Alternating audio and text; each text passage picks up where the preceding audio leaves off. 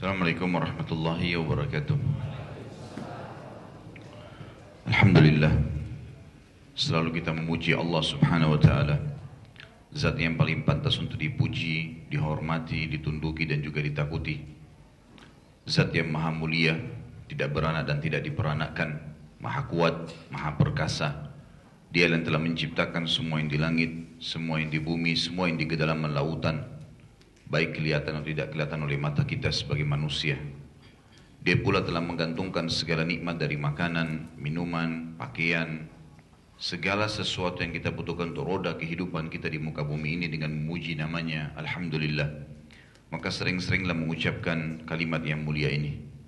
Juga kita panjatkan setelah itu salam hormat kita kepada manusia terbaik manusia yang paling suci jalur nasabnya paling sempurna akhlak dan juga fisiknya dengannya lah risalah kerasulan dan kenabian ditutup dan satu-satunya nabi dan rasul yang diutus untuk seluruh umat manusia bahkan seluruh alam semesta, jin dan manusia wajib tunduk padanya. Siapa pun yang mengikuti manusia terbaik ini pasti punya panduan hidup, tahu mana halal, mana haram, mana yang diperintahkan dan dilarang oleh Sang Pencipta Allah, dan tentu saja pada saat meninggal akan masuk ke dalam surga. Manusia terbaik ini telah diberikan salam untuknya, salam hormat oleh Sang Pencipta Allah bersama malaikatnya, maka sangat wajar kalau kita sebagai pengikut setia selalu membacakan salawat dan taslim kepada Nabi besar Muhammad sallallahu wa ala alihi wa wasallam. Kita masuk melanjutkan bahasan sirah kita. Dan pada pertemuan yang terakhir kita masih membahas tentang ayat-ayat Al-Qur'an dalam surah An-Nur yang menjelaskan tentang fitnah ifq atau fitnah yang dituduhkan kepada Ummul Mukminin Aisyah radhiyallahu anha berzina dengan Safwan radhiyallahu anhu. Dan sudah panjang lebar kita jelaskan bagaimana masalah tersebut telah terselesaikan dan menjadi hikmah yang sangat luar biasa bagaimana Ummul Mukminin Aisyah radhiyallahu anha yang telah tersebutkan sebagai kekasih Nabi sallallahu alaihi wasallam harum namanya sampai hari kiamat karena selama surah An-Nur ayat 4 sampai ayat 26 dibahas atau dibaca, maka kita akan tahu itu khusus untuk membahas tentang kejadian pada saat itu dan khususnya kejadian Ummul Mukminin radhiyallahu anha Aisyah binti Abi Bakar. Dan kita akan masuk lanjutan sekarang tentang kesepakatan Hudaybiyah. Kesepakatan Hudaybiyah saudaraku adalah awal kemenangan besar kaum muslimin pada bulan Zulkaadah, tepatnya tahun 6 Hijriah, karena semua kejadian yang sebelumnya termasuk fitnah ifk adalah tahun 5 Hijriah. Nabi SAW mengiklankan akan keluar mengerjakan umrah. Setelah selesai semua fitnah ifk di Madinah, orang-orang yang memfitnah dicambuk dan sudah kita sebutkan nama-nama tiga orang sahabat yang sempat tercambuk pada saat itu 80 derah karena memang mereka menyebarkan fitnah itu ya. maka kita masuk kepada ya, Madinah sudah aman. Tentu tiga orang itu Muslih bin Abi Muslih ya.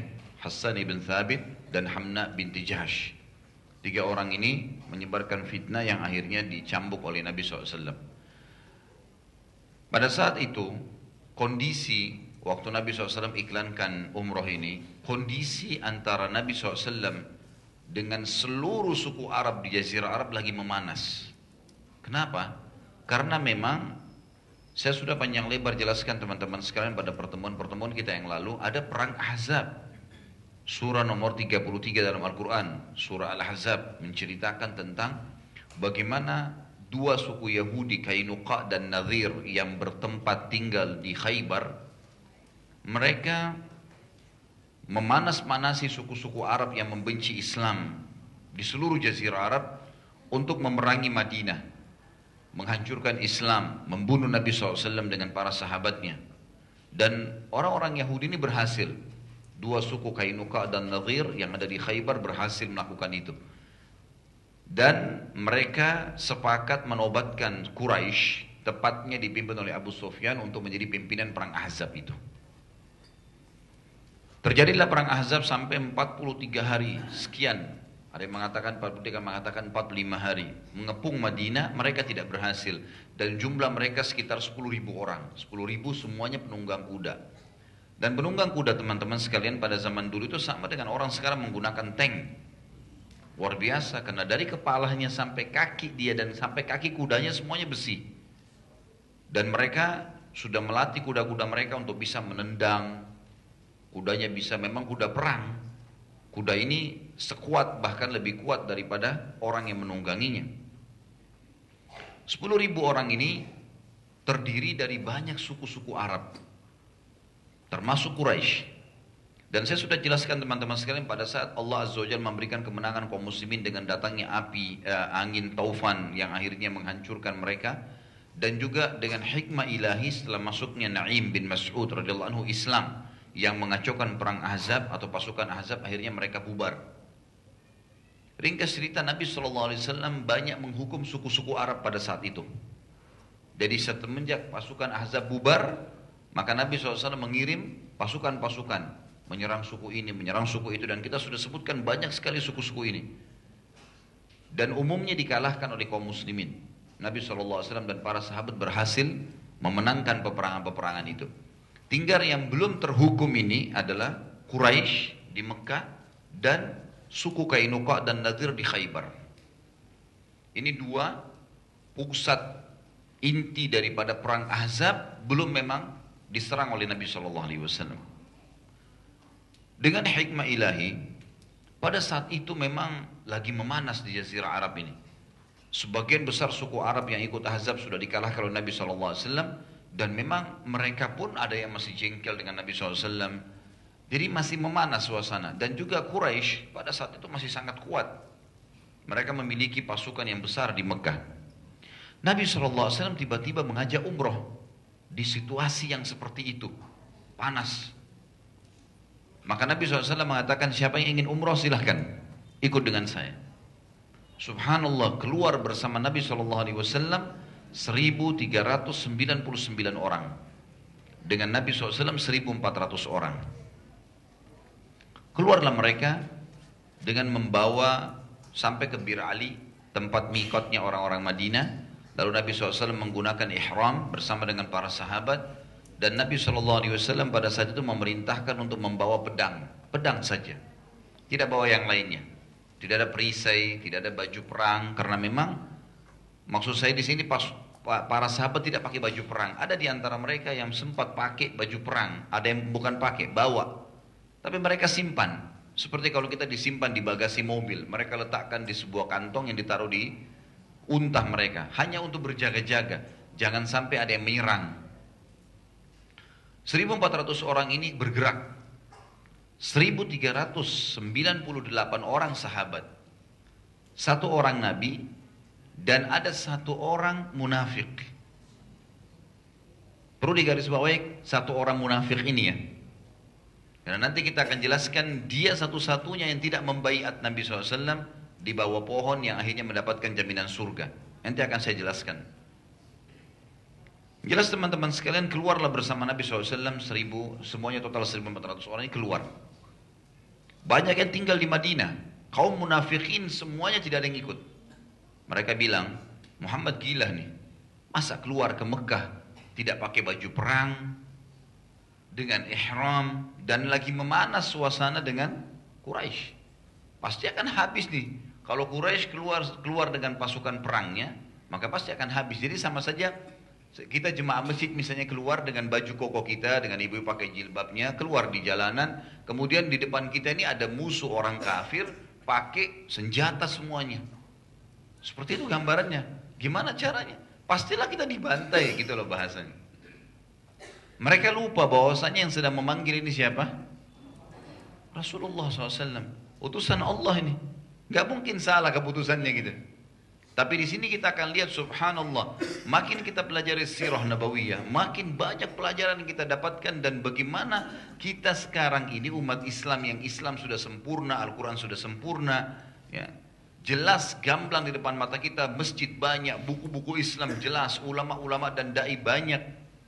Ini semestinya harus sudah sangat kokoh imannya. Karena di zaman itu saja masih dalam proses turunnya wahyu, bagaimana di kalangan sahabat ada yang luar biasa iman mereka, termasuk 1398 orang yang keluar bersama Nabi Wasallam. Teman-teman sekalian, pada saat keluar, tadi saya bilang ada satu munafik ikut, dan dia ikut bukan niatnya mau umroh, munafik. Dia ikut untuk memata-matai. Nabi SAW ini ngapain di Mekah? Gitu. Benar gak ini mau umroh? Atau ini sebenarnya mau perang?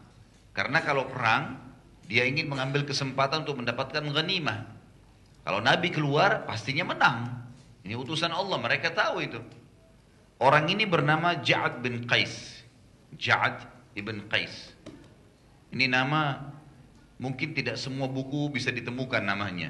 Tetapi ada buku-buku yang terpercaya insya Allah menyebutkan nama ini. Dia satu orang munafik yang tidak ikut atau ikut bersama Nabi Wasallam. Pada saat itu Nabi SAW juga membawa hadyu, saudaraku. Hadyu ini adalah hewan-hewan yang dikhususkan, diniatkan untuk dikorbankan di jalan Allah. Maka Nabi SAW membawa hadyu dan memerintahkan para sahabat untuk membawa yang mau berkorban di Mekah silahkan. Bawa hadyunya.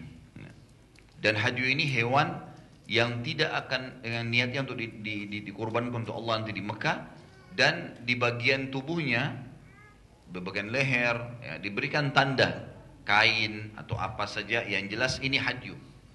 Ini hewan yang memang untuk Allah Subhanahu wa taala.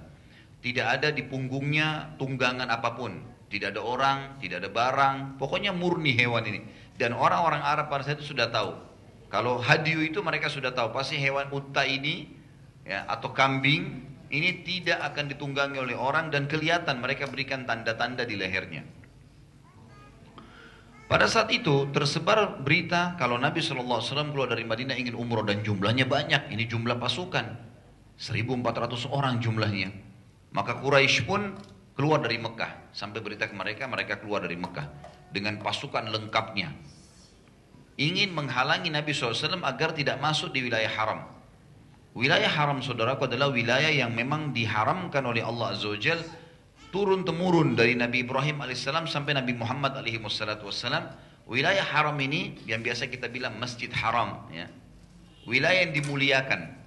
Nggak boleh dipotong pohonnya, nggak boleh dibunuh hewannya, nggak boleh ada pertumpahan darah di situ.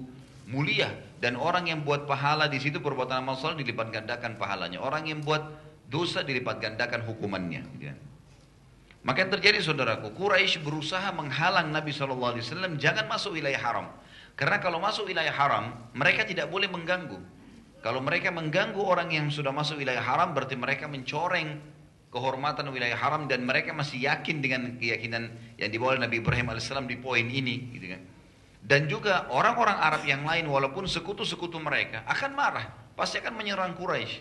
Bagaimana bisa orang pakai ihram? Bagaimana bisa orang masuk wilayah haram lalu diperangi? Jadi Quraisy intinya berusaha semaksimal mungkin saudara seiman untuk tidak membuat Nabi SAW dan pasukannya masuk ke wilayah haram. Tentu ulama menjelaskan tentang wilayah haram ini untuk lebih jelasnya adalah sebagian yang paling kuat pendapat mengatakan masuk di dalamnya Mina dan Muzdalifah dan mereka mengeluarkan wilayah Arafah dari wilayah haram. Gitu kan? Ada juga yang memasukkannya, tapi yang jelas ini khilaf di antara ahli ilmu. Lalu Nabi SAW dengar, ternyata orang-orang Quraisy keluar dengan pasukan yang sangat besar, melebihi jumlah 3.000 orang. Dan pada saat itu dipimpin oleh Khalid bin Walid, yang waktu itu belum masuk Islam tentunya. Ringkas cerita, pasukan ini menunggu jauh dari wilayah haram. Nabi SAW berkata kepada beberapa sahabat, Siapa di antara kalian yang bisa menunjukkan buat saya jalan menuju ke Mekah bukan jalan umum ini. Jalan yang lain, alternatif kalau kita sekarang yang Quraisy tidak tahu. Quraisy pun mungkin tidak semua tahu. Ada satu sahabat dari Mekah dasarnya muhajir dia mengatakan ya Rasulullah saya tunjukkan anda. Pasti Quraisy tidak akan tahu jalan itu. Waktu itu Nabi SAW sempat berkata, sungguh keterlaluan Quraisy. Dua kali beliau mengatakan sungguh keterlaluan Quraisy sudah nyerang Madinah, sudah berusaha memerangi gitu kan. Apa yang mereka inginkan? Bila mereka membiarkanku, maka keberhasilan dan nama baikku adalah keberhasilan dan nama baik mereka. Kalau aku berhasil berdakwah ini, namaku harum, Quraisy juga jadi harum namanya karena satu suku gitu. Sama-sama nama Mekah juga jadi harum karena aku berhasil. Tapi kalau seandainya aku terbunuh, itu yang mereka inginkan. Untuk apa mereka repot-repot nyusahin sampai seperti ini? Aku hanya ingin umroh, mereka juga masih tidak mau izinkan. Lalu Nabi SAW mengatakan bergeraklah. Bergerak akhirnya. Sahabat ini membawa Nabi SAW dan para sahabat ini jumlahnya besar, 1400 orang bukan main-main. Jumlah yang sangat besar, mungkin kalau jalan raya kita ini penuh gitu kan. Jalan semuanya. Mungkin kalau masjid kita ini kapasitas 500 orang misalnya masih dua kali lipat. Atau mungkin kalaupun seribu anggap semua satu masjid ini semuanya datang ke sana gitu kan. Maka yang terjadi teman-teman sekalian lewat gunung, bukit, padang pasir sampai betul-betul berhasil ternyata. Nabi SAW dan para sahabat berhasil pas di perbatasan wilayah haram. Wilayah haram kalau sekarang tentu kalau bapak ibu lagi umroh atau haji, kerajaan Saudi sudah meletakkan seperti ada gapura tertulis wilayah batas haram gitu kan. Itu kalau dari Mekah kita keluar ke Jeddah ada kayak gapura warna coklat muda biasanya. Itu diberikan gambaran. Kalau zaman dulu mereka menancapkan bendera-bendera yang setiap saat mereka perbaharui kalau bendera itu jatuh dan seterusnya. Nabi SAW berhasil dengan para sahabat tiba di bendera itu di perbatasan wilayah haram. Tapi ada kejadian unik pada saat itu teman-teman sekalian. Ternyata unta Nabi SAW duduk. Unta Nabi SAW tiba-tiba duduk. Dan unta Nabi SAW ini pernah saya jelaskan. Kalau unta ini dikhususkan oleh Allah Azza wa untuk Nabi SAW. Waktu di Madinah pun, waktu beliau lagi jalan dengan unta ini untuk masuk ke untuk eh, menentukan dia akan berhenti di mana, eh, memilih lokasi Masjid Nabawi, ternyata unta ini jalan dan setiap orang Madinah dulu orang Ansar coba memegang tali kekangannya mengatakan ya Rasulullah ke sinilah kata Nabi SAW da'ha fa innaha ma'murah. Biarkan dia dia dia dia dia dapat perintah dari langit nih unta ini. Maka sampai dia berhenti di lokasi Masjid Nabawi sekarang. Subhanallah unta ini berhenti Nabi SAW turun, coba berdirikan, tidak mau. Sahabat-sahabat dorong, nggak mau. Dan pada saat Nabi SAW berhenti, semuanya berhenti. 1.400 lebih orang yang berhenti semua. Semuanya pakai tunggangan. Nah, pakai unta dan kuda mereka gitu kan. Karena ini perjalanan jauh, nggak ada yang jalan kaki pada saat itu. Ringkas cerita teman-teman sekalian, sebagian sahabat mengatakan, ya Rasulullah, unta ini telah ditimpa keburukan nih. Kok dia nggak mau jalan nih? Karena kalau sudah masuk di bendera, itu bendera sudah depan mata. Kalau lewat wilayah haram, Quraisy nggak bisa ganggu nih. Tidak mau. Kata Nabi SAW, tidak demi Allah. Dia telah tertahan, dia telah ditahan oleh yang telah menahan gajahnya Abraha. Ingat kasus Abraha dulu? Gajahnya berhenti, nggak mau kan? Ingat dulu nama pimpinan gajahnya siapa? Masih ingat? Hah? Mahmud. Maaf kalau ada yang sama namanya. Kan untanya Abraha dulu yang paling besar, yang paling depan itu namanya untanya Mahmud. Yang akhirnya ada satu orang Arab yang datang dan memegang si Mahmud lalu mengatakan wahai ubruk ya Mahmud fa innau baitullahil azim. Duduk hai Mahmud karena ini rumahnya Allah yang agung. Maka uh, gajah itu jadi duduk, nggak mau bergerak gitu. Nggak mau nyerang. Kalau diarahkan ke Yaman mau pulang. Tapi kalau nyerang Ka'bah nggak mau. Gitu kan. Yang jelas kata Nabi SAW tidak demi Allah yang menahan dia adalah yang telah menahan gajah-gajahnya Abraham.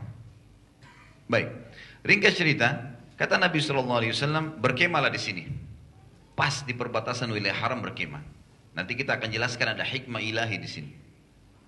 Quraisy pada saat itu mendengar kalau Nabi SAW telah melewati mereka dan mereka tahu tahu mereka ini jalan satu-satunya. Enggak ada jalan lain. Maka mereka bergegas sampai di sana. Begitu mereka tiba di wilayah haram, seperti haram tadi mereka kaget melihat muslimin.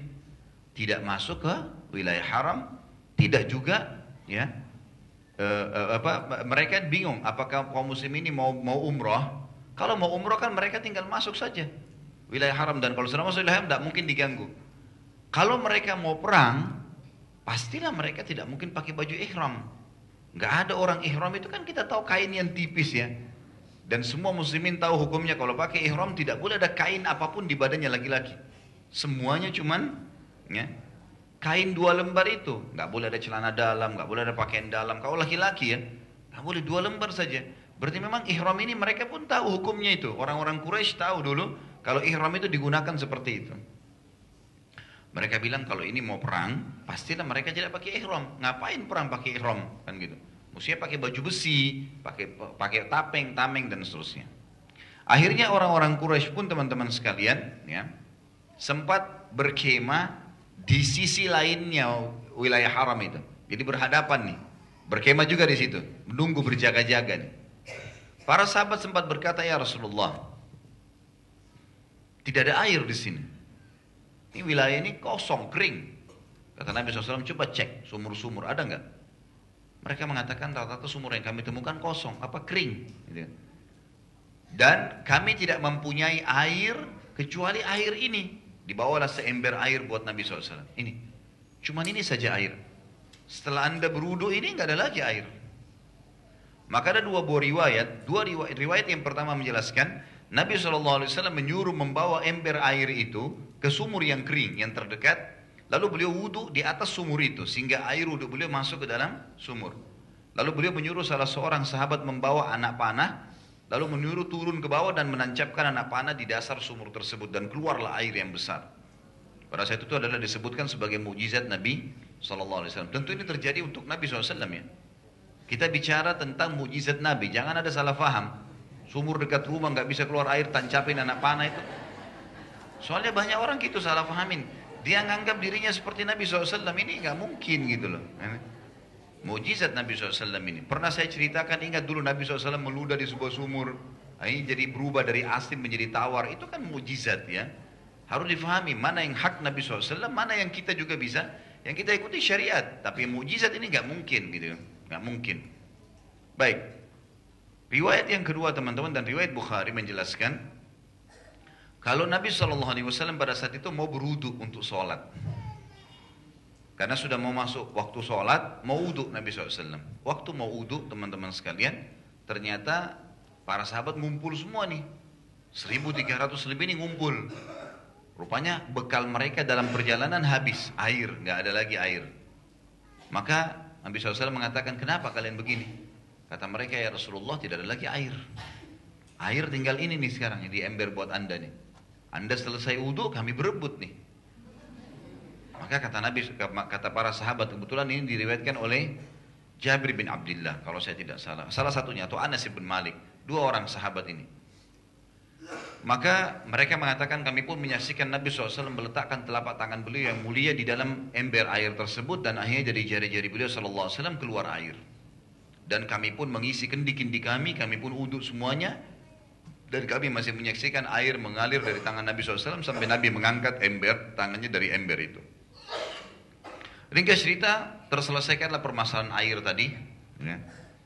Kemudian orang-orang Quraisy berpikir nih, apa jalan keluarnya nih? Diskusinya seperti apa dengan Nabi SAW ini? Maka mereka mengutus satu orang yang bernama Hudail bin Warqa. Hudail bin Warqa ini teman-teman sekalian pimpinan suku Huzail. Ada suku Huzail, ini suku pas di sebelah Mekah. Karena mereka termasuk sekutunya eh, Quraisy berdekatan tetangga antara suku dengan suku ya. Mungkin wilayah sama wilayah. Maka kebetulan dia kepala sukunya Hudail bin Warqa ini. Quraisy minta, hai Hudail pergilah ke sana, temuin Muhammad, tanya dia mau perang atau mau umroh, cari tahu informasi. Karena ini kalau dia sudah masuk ke Mekah dengan 1400 sekian, sekian orang, sekian banyak orang ini, 1000 sekian orang ini akan ngacoin Mekah nih kalau dia mau perang. Bisa merebut Mekah gitu kan. Pastikan dia mau umroh atau dia mau ya, perang. Maka Hudail pun datang lalu berkata, itu tentu dia belum masuk Islam ya. Hudail ini nanti masuk Islam radhiyallahu anhu. Waktu itu belum masuk Islam. Maka dia datang dan berkata, Hai Muhammad, apa yang kau inginkan? Kata Nabi SAW, umrah. Coba lihat haji. Jadi ada banyak nih.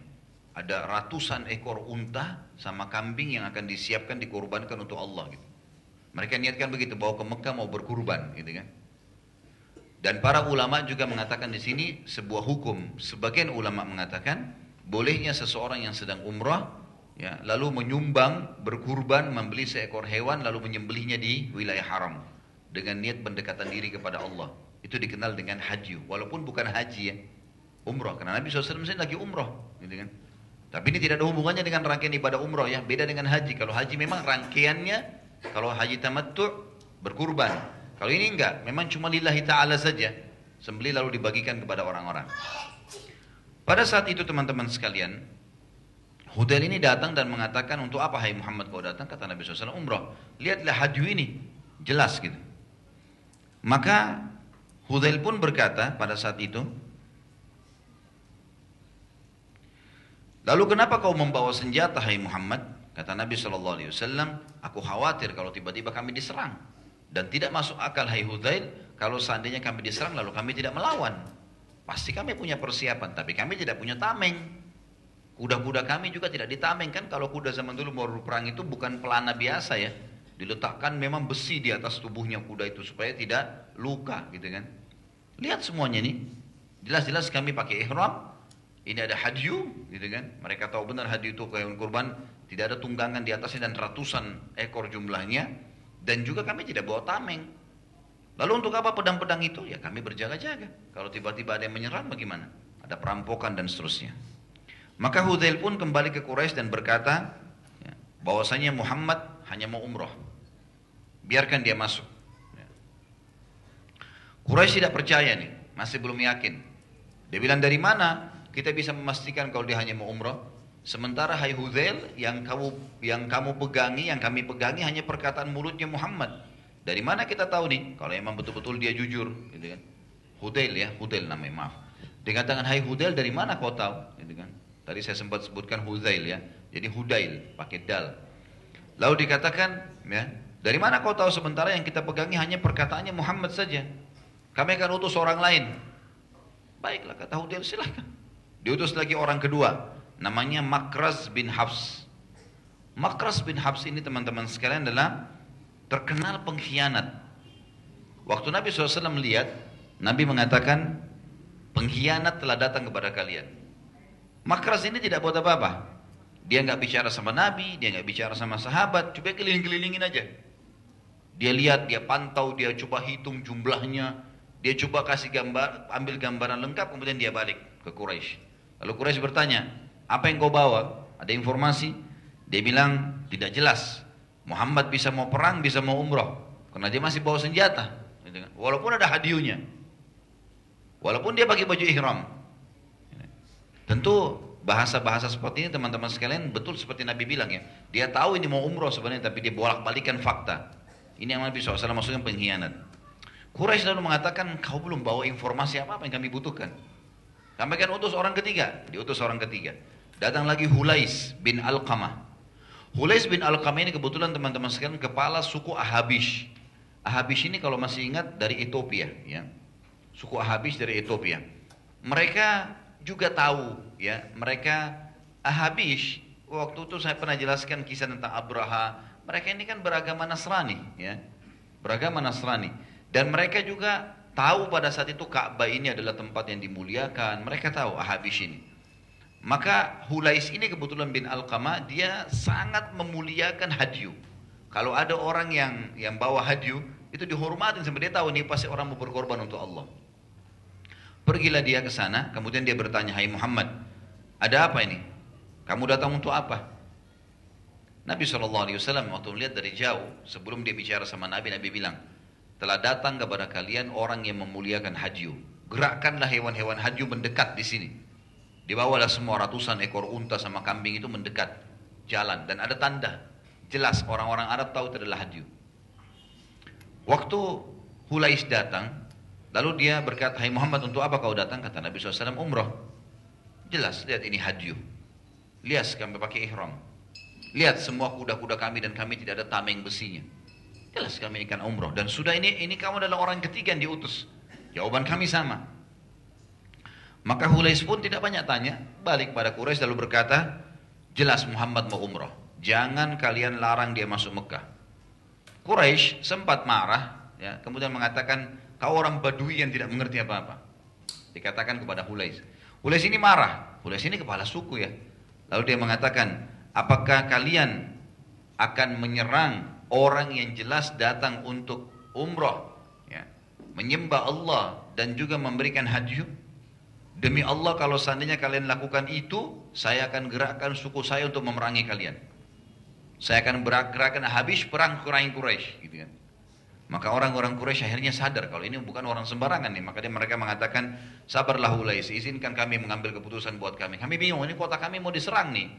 Antara diserang atau enggak nih, kita bingung gitu kan. Maka janganlah ya, kamu marah dulu. Sampai mereka berusaha agar Hulais ini ridho lah. Nah waktu itu Hulais sudah sangat marah, dihina gitu kan. Mereka bingung, ini lalu apa keputusannya? Bagaimana caranya? Serang atau enggak? Mau diserang pakai ihram. Mau tidak diserang, juga takut nanti menyerang Mekah. Maka mereka mengutus orang yang keempat. Nah orang yang keempat ini punya kedudukan lebih tinggi lagi. Namanya Urwa bin Mas'ud al-Thaqafi. Urwa bin Mas'ud teman-teman adalah kepala suku Thaqif di kota Taif. Ya. Urwa ini memiliki kedudukan yang sangat tinggi di mata orang-orang Quraisy dan juga orang-orang Taif. Dari dulu kota Mekah dan kota Taif ini dua kota yang dimuliakan lah istilahnya. Gitu kan. Kota Taif ini sekitar 60-70 kilo dari kota Mekah. Tempatnya dingin, wilayahnya dingin. Orang-orang Mekah biasanya kalau atau orang-orang Saudi secara umum kalau musim panas, lagi puncak-puncaknya panas di Madinah 50 derajat atau di wilayah-wilayah lain, mereka datang ke Taif, mereka datang ke wilayah di belakangnya lagi ada Abha, ada Baha, ada beberapa wilayah memang gunung. Itu kalau siang hari tidur di musim panas di kota lain kita pakai selimut di sana. Karena dingin memang. Saya pernah ke sana.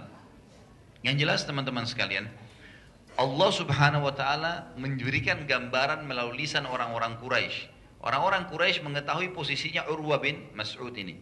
Dengan ada ini di kota Taif, karena dia kepala suku. Dan di Mekah ada satu orang namanya Al-Walid bin Uqbah. Ini yang mati terbunuh pada saat perang Badr. Dua ini orang yang diagungkan lah oleh orang-orang Quraisy. Allah menceritakan dalam surah Zukhruf tentang kedudukannya si mereka ini di mata orang-orang Quraisy ya. Surah Zukhruf surah nomor 43 ayat 31. A'udzu billahi minasyaitonir rajim wa qalu laula nuzzila hadzal qur'anu ala rajulin minal qaryataini 'azim. Dan itu teman-teman sekalian kalau seandainya kita tidak tahu sebab turunnya ayat ini kita tidak bisa faham nih. Artinya gini, dan mereka berkata, siapa mereka ini? Kalau kita nggak tahu kisahnya kita nggak akan tahu nih. Makanya itu manfaatnya mempelajari sirah, kita jadi tahu semuanya. Mereka berkata, maksudnya orang-orang Quraisy berkata, mengapa Al-Quran ini tidak diturunkan kepada seorang yang besar, yang punya kedudukan, kekayaan, kepala suku, dari salah satu dari dua negeri, Mekah dan Taif. Jadi ini maksudnya adalah Mekah ada Al-Walid bin Uqbah dan Taif adalah Urwa bin Mas'ud al-Thaqafi ini. Jadi memang memiliki kedudukan. Mereka menganggap memang paling pantas menerima risalah kalaupun jadi nabi orang ini nih Urwa bin Mas'ud karena orangnya terkenal gitu kan kalau di Taif kalau di Mekah berarti Al Walid bin Uqbah Urwa bin Mas'ud ini pada saat itu teman-teman sekalian berkata kepada orang-orang Quraisy karena dia dari Taif ya beda bukan dari kota, kota Mekah tapi dia lagi ada di Mekah hadir bersama pasukan pada saat itu kata Urwa wahai Quraisy saya bukan orang sembarangan seperti kalian mau permainkan seperti tiga orang sebelum saya. Pergi ke sana utus bawa informasi kalian dustakan, kalian anggap tidak mau terima. Nggak bisa kalau mau saya ke sana terima informasi dari saya. Sepakat dulu. Saya ke sana saya dapat informasi apa pun kalian harus setuju. Muhammad mau umrah atau mau perang, ambil keputusannya. Mereka bilang baiklah kalau begitu. Akhirnya Urwa mengatur sebuah strategi teman-teman sekalian. Dia ingin memancing emosi Nabi SAW dan kaum muslimin. Dia bilang, dia bilang kalau seandainya mereka emosi, maka berarti ya, berarti mereka itu ingin perang. Tapi kalau mereka tidak emosi, walaupun saya caci maki dan seterusnya, berarti mereka mau umroh. Karena orang mau ibadah umroh pasti lebih tenang gitu kan. Kalau orang mau perang memang emosional sudah pasti.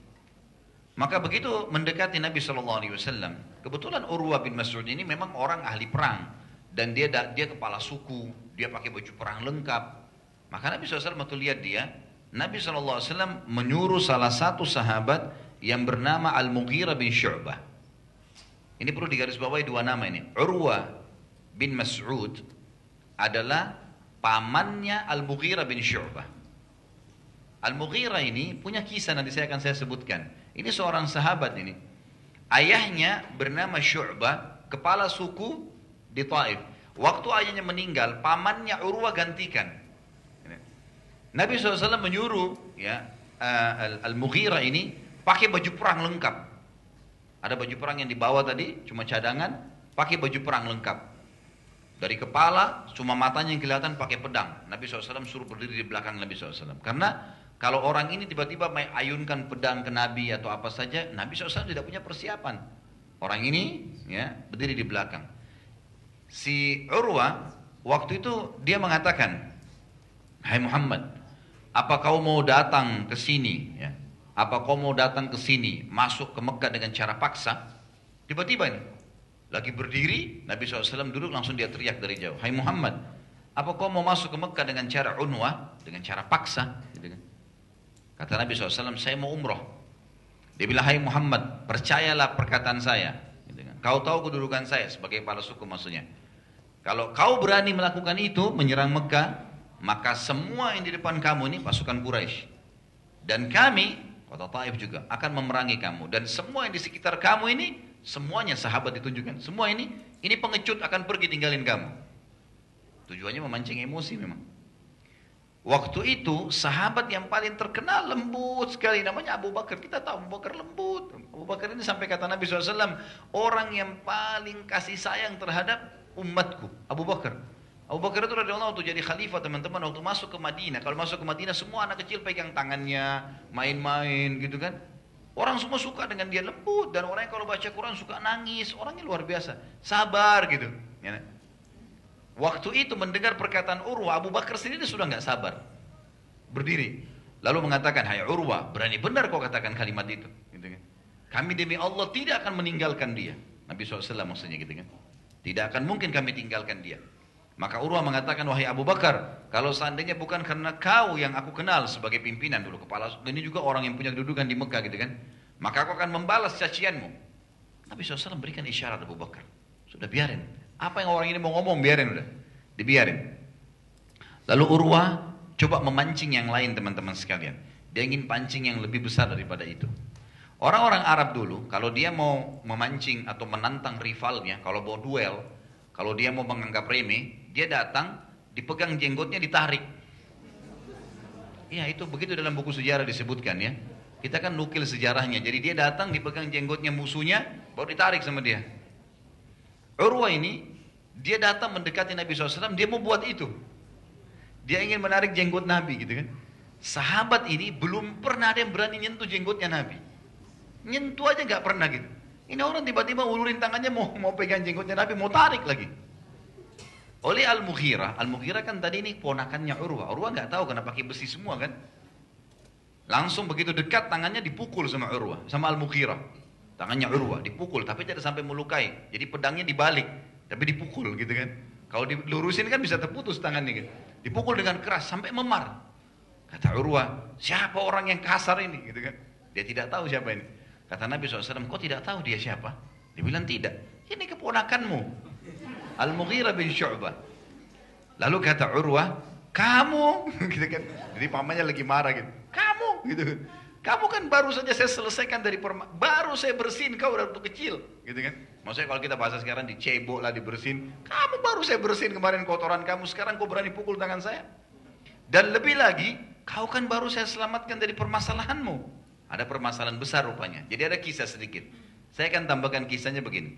Jadi Al-Mughirah bin Syu'bah ini Orangnya memang kasar. Kalau ngomong kasar, orang badui. Ngomong kasar, kalau jalan kasar, semua kasar. Apa pun yang dipegang sama dia bisa dirusak. Ya memang terkenal begitu radhiyallahu anhu. Sebelum masuk Islam nih. Dia pernah teman-teman sekalian, dia pernah satu waktu jalan bersama dengan suku Malik. Ada suku Malik ini, kota Taif dikenal dengan suku Thaqif. Di sebelah Taif ada suku Malik. 13 orang suku Malik bersama dengan uh, Al-Mughirah ini, Al-Mughirah kan anak kepala suku, ayahnya Syubah kepala suku Taif ya. Pergi sama-sama ke Mesir. Di Mesir ini ada raja namanya Al-Muqayqis. Al-Muqayqis ini raja yang terkenal suka tamu. Kalau ada tamu, selalu kalau pulang dikasih hadiah, gitu-gitulah. Pergilah Al-Mughirah bin Syubah ini bersama dengan 13 orang dari suku Malik ke sana. Waktu pergi ketemu Muqayqis, semuanya orang ngomong santun, ngomong baik. Al-Mughirah enggak. Ngomongnya sama Muqayqis pun kasar gitu kan. Tapi eh, Mukhaikis ini tidak mau, tidak mau mempermalukan namanya. Maka waktu pulang, 13 orang itu dikasih hadiah sama dia. kecuali Al-Mughirah. Al-Mughirah nggak dikasih hadiah sama Muqaykis ini. Kisahnya begitu, gitu kan? Karena nggak dikasih hadiah, dia marah nih. Dia sempat bilang sama teman-temannya, kenapa saya tidak dikasih? Kenapa kalian dikasih gitu? Mereka cuma bilang, mungkin kau kasar, gitu kan? Karena jengkel Mughirah ini, waktu lagi istirahat di satu tempat, 13 orang semua dibunuh sama dia. Diambil semua hadiahnya. Terus kemudian dia pergi ke Madinah, dia masuk Islam. Waktu sudah mencuri itu tadi, dia ke Madinah dia ikrarin masuk, iya Rasulullah Muhammad saya masuk Islam. Nabi SAW tahu informasi dari wahyu. Kalau orang ini lari nih, habis mencuri gitu. Kata Nabi SAW, Hai Mugira, kalau ya, kalau Islammu kami terima, tapi mencurimu tidak. Kembalikan semua, punya suku Malik tuh. Rupanya berita tentang masalah dia membunuh ini, 13 orang dibunuh didengar oleh suku Malik. Suku Malik siapin pasukan, gitu kan? Lalu minta kepada suku Thaqif di Taif, serahkan Al-Mughirah. Kalau enggak perang nih. Orang-orang Taif tahu Mughirah anak, anak kepala suku. Ayahnya Syu, uh, Mughirah bin Syu'bah Syu'bah ini kepala suku yang digantikan oleh saudaranya Urwah gitu kan. Maka mereka bilang tidak mungkin kami serahkan. Belum pasti beritanya siapa yang bunuh, mungkin bukan dia. Yang jelas ini hampir perang, dua pasukan ketemu. Datanglah satu orang mendekati Urwah, itu kepala suku, pasukan sama pasukan sudah ketemu nih. Kata mereka, hai Urwah, kau lebih berakal. Pakai akal sehatmu. Kalau kau biarkan ini berperang hanya karena keponakanmu, gitu kan? Lebih baik ya, ya kamu bayar saja diahnya, dendahnya, gitu kan? Satu orang zaman itu kalau dibunuh dibayar dengan 10 ekor unta, gitu kan? Bayar aja dendahnya. 10 kali 13, 130 ekor unta bayar aja, gitu kan? Daripada ini suku perang habis-habisan nih ngapain gitu? Kata Urwah baiklah, dibayarlah sama Urwah jadi Urwa menebus apa? Utangnya si Al-Mughirah. Al-Mughirah lagi di sana nih. Lagi di Madinah gitu kan. Maka Nabi SAW sempat mengatakan, hai, hai, hai Mughirah, Islammu kami terima, tapi curian tidak boleh, kembalikan. Akhirnya suku Malik menerima dari Urwa 130 ekor unta, plus lagi hadiah-hadiah itu dikembalikan oleh Al-Mughirah. Inilah sebab perkataan tadi Urwah Waktu dipukul tangannya oleh ponakannya dan dia tidak tahu siapa dia bilang, kamu, kamu baru kemarin saya cebokin gitu. Baru saya bersihin barang kamu dan saya selesaikan permasalahan besar yang kau hadapin. Maksudnya dia bawa lari tadi hadiahnya suku Malik gitu kan. Kata Mugira, walaupun dengan tegas dia, walaupun, tapi ini Rasulullah, nggak boleh kau sakitin, gitu kan. Pada saat itu teman-teman sekalian masuk waktu sholat duhur, gitu kan. Nabi SAW dalam beberapa riwayat, tadi riwayat yang sebelumnya saya sebutkan, beliau mau uduk ya, kemudian keluar air sebagai mujizat ya. Ada riwayat lain yang menjelaskan, beliau uduknya pada saat sedang mau menjelang azan. Bilal mulai azan, kemudian Nabi SAW minta air didatangkan. Lalu terjadilah kejadian tadi. Tapi Urwah ini sempat menyaksikan satu kejadian yang unik bagi dia. Urwah melihat waktu itu Nabi SAW waktu berwudu setiap kali habis wudhu, ingat ini hanya untuk Nabi SAW. Saya ulangi berapa kali ini, bahasa Indonesia sudah jelas. Nabi SAW begitu selesai wudhu, air yang jatuh, para sahabat berebutkan air itu. Dan mereka mengambil air itu digosok di badannya, digosok di wajahnya. Mereka memperebutkan air bekas wudhunya Nabi SAW. Bahkan kalau Nabi SAW habis kubur-kumur mengeluarkan air, diambil sama mereka. Gitu kan. Jadi mereka mencari berkah dari Nabi SAW. Nabi SAW masih hidup waktu itu. Gitu kan. Maka mereka memperebutkan 1300 orang ini berperebut air itu, gitu kan. Mereka berebut-rebutan, saling dorong, saling ngambil gitu. Maka Urwa menyaksikan itu. Lalu Urwa tidak bicara lagi, pulang ke kaumnya. Lalu dia mengatakan, wahai Quraisy, sesungguhnya Muhammad mau umroh. Dan jangan kalian ganggu.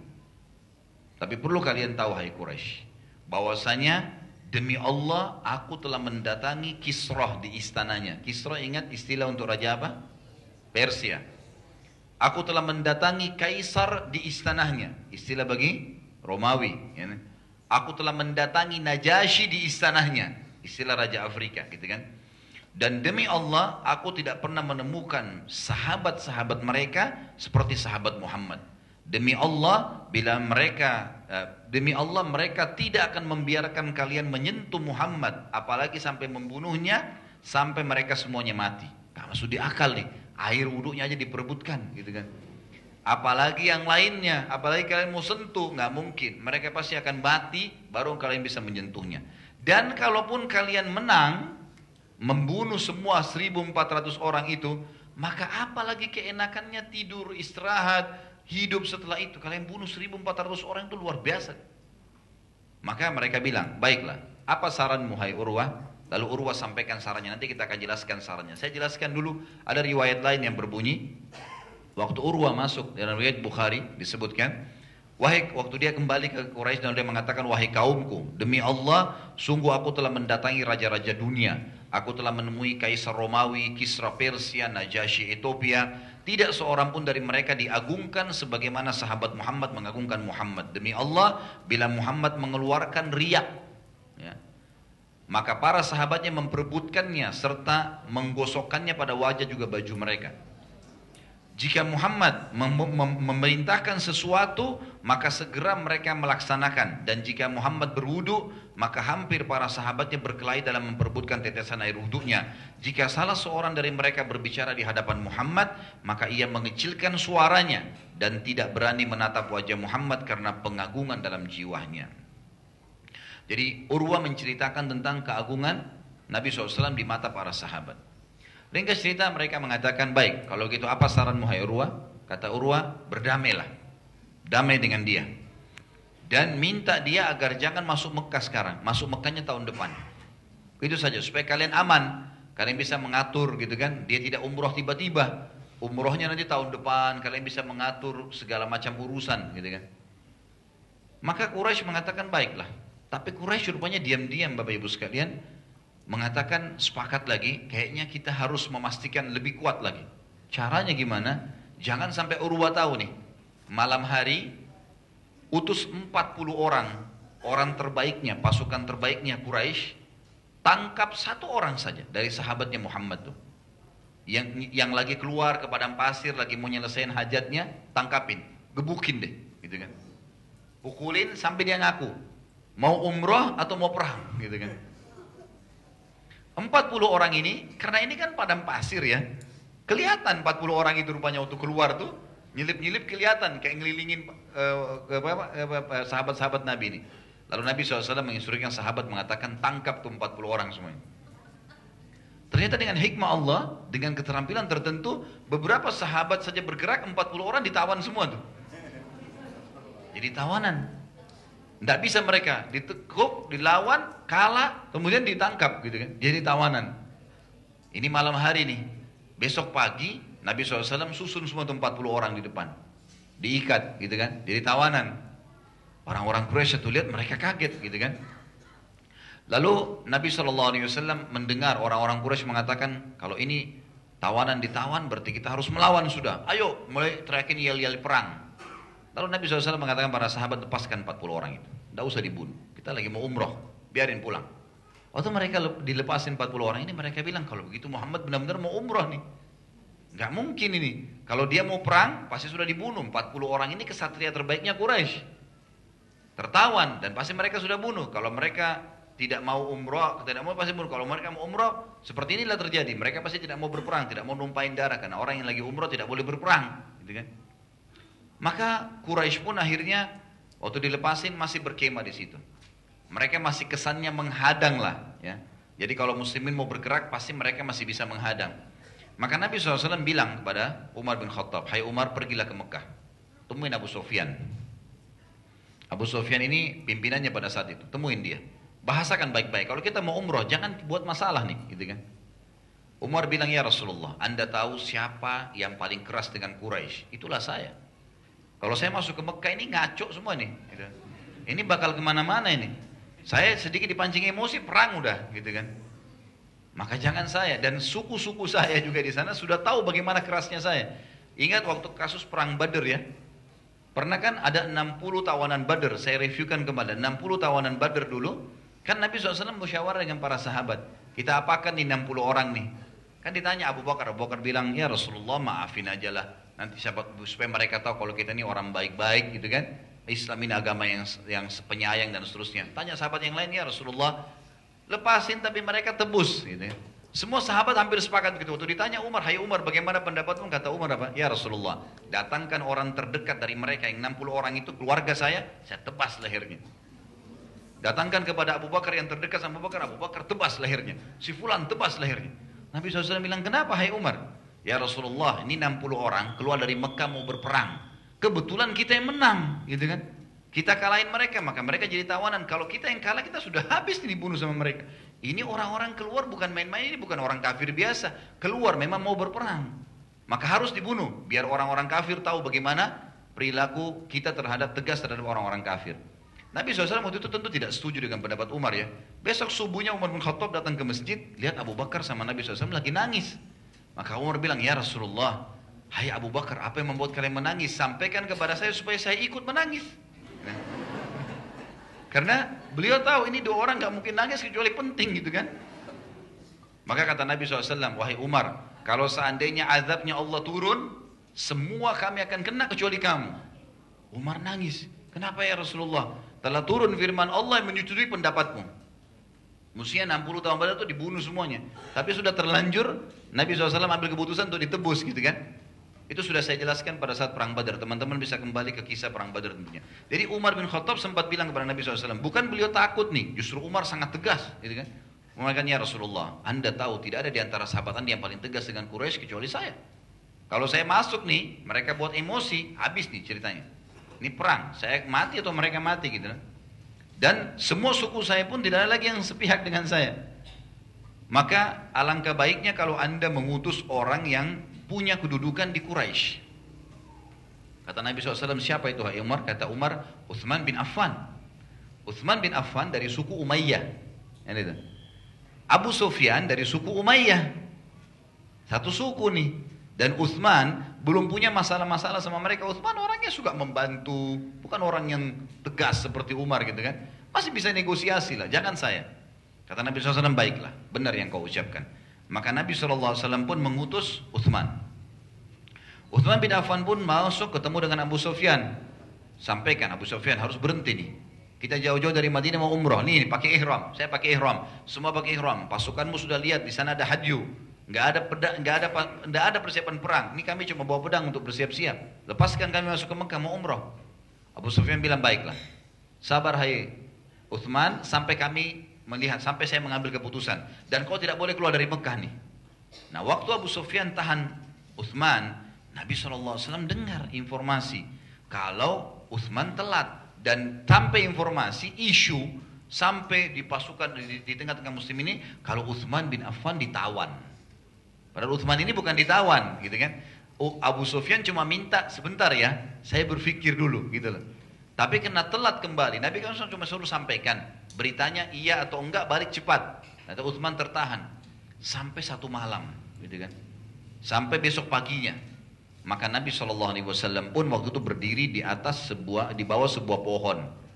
Lalu Nabi Wasallam mengatakan, Hai muslimin, berbaiatlah. Berbaiat ini artinya memberikan tanda kesepakatan setia, gitu ya. Akan setia dengan pemimpin pemimpin negara, bukan pemimpin lembaga. Jangan salah faham ya. Dan ada sebagian kaum muslimin yang menisbatkan diri ya kepada Islam dan mengatakan bayat kepada kelompok. Ini salah ini. Istilah bayat untuk pemimpin negara. Jelas hadis Nabi SAW. Beliau pada itu Nabi dan Raja. Dan beliau berkata, berbayatlah. Isi bayatnya adalah Nabi SAW meletakkan tangannya, lalu sahabat meletakkan tangan di bawah tangan Nabi SAW. Sahabat mengeluarkan tangannya, lalu Nabi SAW meletakkan tangan di atasnya. Lalu dia berkata, saya akan setia bersamamu wahai Rasulullah. Ya. Kalau ini pun berperang, karena Nabi SAW sudah tahu Utsman ditawan, ini nggak bisa lagi. Berarti sekarang bukan umroh, tapi perang. Nabi SAW ingin mengambil bayat, kesepakatan dengan 1.300 lebih sahabat ini untuk menyerang Mekah udah. Ini ikrar. Udah harus setia. Tidak boleh ada yang tidak boleh ada yang pergi, tidak boleh ada yang berkhianat. Satu persatu diambil bayatnya. Maka pada saat itu yang paling pertama membayat adalah Abu Sunan al-Uzdi radhiyallahu anhu, sahabat Nabi yang mulai dari Madinah ini, beliau yang paling pertama membayat. Lalu sahabat satu persatu membayat semuanya. Ada satu sahabat namanya Salama bin Aqwa. Kalau teman-teman masih ingat ini, saya pernah jelaskan ini sahabat yang tangguh sekali kalau berperang, yang dia kalau lari mengalahkan kecepatan kuda gitu kan. Dulu saya pernah ceritain kisahnya gitu kan. Yang jelas Salamah bin ini rupanya dia waktu orang-orang pada membaiat, kan orang 1300 ini banyak sekali. Ya Rasulullah saya akan setia, ya Rasulullah saya akan, rupanya Salamah ini sudah membaiat. Tapi Nabi SAW tidak memperhatikan sudah baiat. Lalu dia pergi ke pohon yang lain di sebelah tempat isi yang lain lalu dia baring di situ. Setelah selesai 1396 orang membaiat, maka Nabi SAW datangi Salamah. Lalu Salamah dikatakan, hai, Nabi SAW mengatakan, hai Salamah, baiatlah. Kata Salamah, ya Rasulullah sudah. Dan Nabi SAW harus kau ulangi bayatmu. Karena saya belum lihat. Saya belum pastikan tadi. Maka Salamah pun berdiri. Jadi tepat jumlahnya 1396 orang yang membayat dulu. Tambah Salamah 1397. Masih ada tiga orang yang belum. Siapa tiga orang ini? Nabi SAW sendiri, Uthman bin Affan yang lagi di Mekah, sama Ja'ad bin Qais si munafik ini. Maka Nabi SAW sempat meletakkan tangan kiri beliau di bawah tangan kanannya. Lalu beliau mengatakan, ini bayatnya Uthman bin Affan. Maka semua sahabat mengatakan, kami berharap ya bahwasanya kami menjadi Uthman. Karena tangan kiri Nabi SAW lebih mulia daripada tangan kita semua. Artinya dipastikan Nabi yang membayatnya sendiri. Lalu Nabi SAW melihat pada saat semua sahabat sudah ya membaiat, semuanya sudah mengikrar, siap. Nabi suruh apa saja, oke. Okay. Suruh serang Mekah iya, suruh perang dengan pasukan di sebelah iya, suruh balik ke Madinah iya, itu baiatnya. Apa saja titah Nabi diikutin. Lalu kata Nabi SAW setelah itu dalam hadis sahih, ini sebuah hadis yang luar biasa. Kata Nabi SAW, demi Allah bersumpah dengan suara tegas gitu kan. Tidak akan masuk neraka semua yang membaiat di bawah pohon ini dikenal dengan bayatul ridwan. Ridwan ini maksudnya kebaikan ya. Jadi bayat yang penuh dengan kebaikan. Kata Nabi SAW, demi Allah tidak akan masuk ke neraka siapa pun yang membayar di bawah pohon ini. Dan pasti kalian semua akan masuk dalam surga kecuali yang sembunyi di belakang unta merah. Ternyata si Ja'ad bin Khais, yang si munafik tadi ini sembunyi-sembunyi di belakang unta. Dan ada unta dia berwarna merah, unta merah-merah ini unta yang bagus ya, unta bagus itu unta betina yang berwarna merah. Dia sembunyi di belakang unta. Kata Nabi SAW, kalian demi Allah, tidak seorang pun di antara kalian yang sudah mampir di bawah pohon ini masuk neraka dan pasti kalian semua masuk surga kecuali ya orang yang sembunyi di belakang unta merah itu. Maka turunlah firman Allah Subhanahu wa taala yang menceritakan masalah itu surah Al-Fath surah 48 ayat 18. Allah menceritakan tentang pembaiat ridwan itu. Persetujuan bayat di bawah pohon. Dan ini kemuliaan untuk para sahabat itu ya. Karena Nabi SAW menjamin bagi mereka surga. 1398 orang dijamin surga. Ini luar biasa ini. Turunlah firman Allah, "A'udzubillahi minasyaitonir rajim. Laqad radiyallahu 'anil mu'minina idh yubayyi'unaka tahta asy-syajarah." إذ يبايعونك تحت الشجرة فعلم ما في قلوبهم فأنزل السكينة فأنزل السكينة عليهم وأثابهم فتحا قريبا Sesungguhnya Allah telah ridho terhadap orang-orang mukmin ketika mereka berjanji setia kepadamu di bawah pohon. maka Allah mengetahui apa yang ada dalam hati mereka, lalu menurunkan ketenangan atas mereka dan memberi balasan, memberi balasan kepada mereka dengan kemenangan yang dekat. Di sini teman-teman sekalian, kita akan jelaskan pada pertemuan kita sekarang ini, sebentar lagi, eh, pada saat terjadi selesai nanti bayat ridwan, selesai kesepakatan Hudaybiyah, turun satu surah lengkap. Dan pernah saya ingatkan teman-teman sekalian kita kalau belajar sirah kita akan tahu sebab turunnya ayat-ayat Al-Quran. Dan subhanallah surah ini tidak bisa difahami kecuali memahami apa yang sedang kita bahas sekarang. Kata ulama memahami tentang kesepakatan Hudaybiyah surah Al-Fath, surah 48 ayat 1 sampai ayat 29. Nanti kita ada di akhir pertemuan mentadaburi 29 ayat itu. Yang jelas salah satunya ayat 18 tadi ini. Yang Allah subhanahu wa ta'ala menyebutkan tentang keridohan Allah subhanahu wa ta'ala terhadap sahabat-sahabat yang membayat Nabi SAW.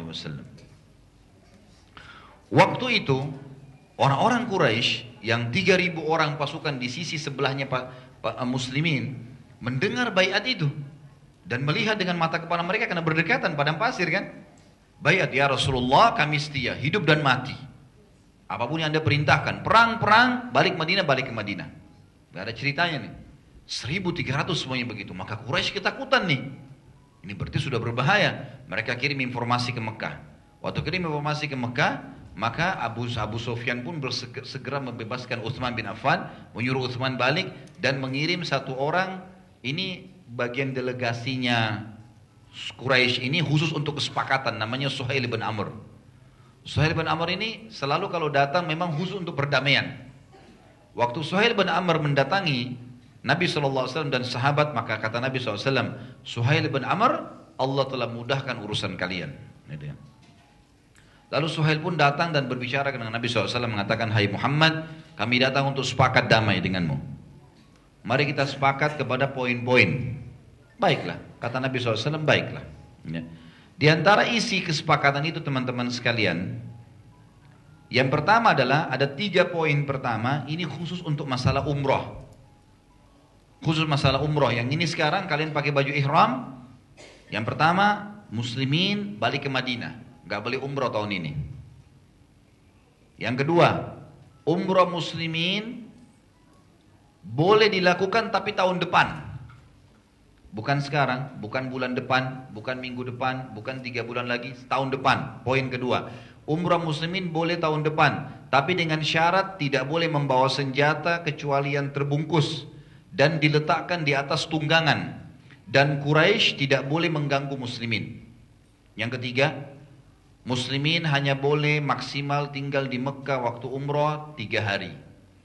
Setelahnya harus keluar. Kalau tidak keluar berarti tidak ada keamanan bisa dibunuh oleh Quraisy gitu kan. Ini yang berhubungan dengan masalah umroh. Lalu poin yang keempat masuk ke masalah masalah perdamaian antara muslimin dengan orang-orang Quraisy. Poin keempat tidak ada peperangan antara muslimin dengan Quraisy selama 10 tahun. Gak boleh ada peperangan 10 tahun. Poin kelima, siapa pun yang hijrah dari Mekah ke Madinah, kalau ada orang dari Mekah masuk Islam, hijrah ke Madinah, wajib dikembalikan ke Mekah. Gak bisa tinggal di Madinah. Dia sudah syahadat, dia lari harus kembalikan ke Mekah. Dan terserah orang Mekah mau diapain orang itu. Poin yang keenam, siapa pun yang meninggalkan Madinah dari muslimin murtad ke Mekah, maka tidak boleh dikembalikan ke Madinah.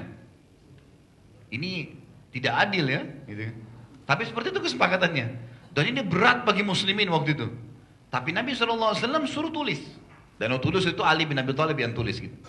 Nanti kita akan jelaskan. Kemudian poin ketujuh, kita jelaskan poin-poinnya dulu ya. Poin ketujuh, suku mana pun yang menjadi partner muslimin, maka dipersilahkan. Dan siapa pun yang mau jadi partner Quraisy dipersilahkan. Yang mau dukung muslimin silakan, yang mau dukung Quraisy silakan. Suku-suku Arab. Kebetulan waktu itu ada dua suku di situ yang hadir. Suku Huza'a dan suku ya, Bakar. Suku Huza'ah masuk kepada mendukung muslimin dan suku Bakar mendukung Quraisy. Nanti kita akan lihat kesepakatan Hudaybiyah terbatalkan justru karena suku Bakar menyerang suku Huza'ah. Yang kedelapan, suku mana pun yang telah mengikrarkan dukungannya maka dia bagian dari pasukan yang didukung maka menyakitinya sama dengan menyakiti yang didukung.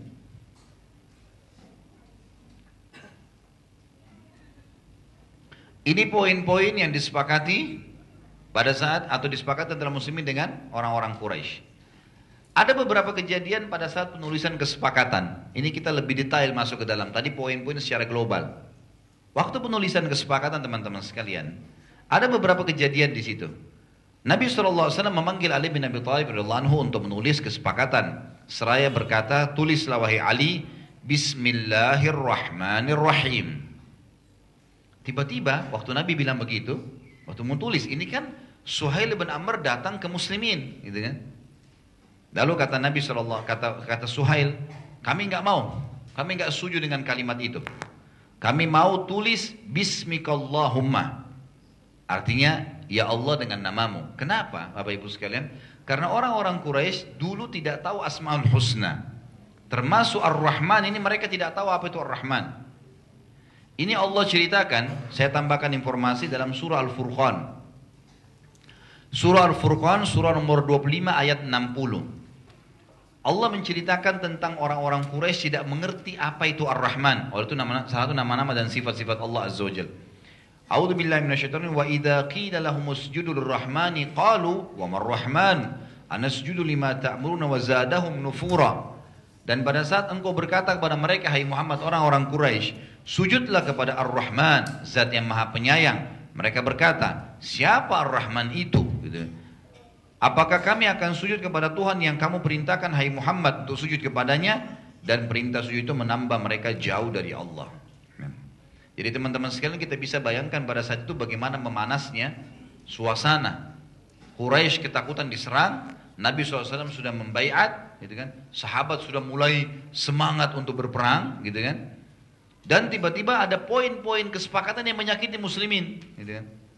Tambah lagi poin ini, Baru pertama nulis, baik kesepakatannya sudah masalah nih.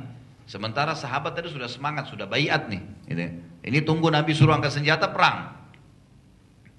Nabi SAW berkata kepada Ali, wahai Ali, hapuslah. Ganti itu bismillahirrahmanirrahim, ganti bismikallahumma. Karena sama saja gitu kan. Tapi Ali bilang, ya Rasulullah, aku tidak mampu menghapusnya. Ini tingkat keimanan imanan Ali luar biasa. Saya tidak mampu ya Rasulullah saya menghapus.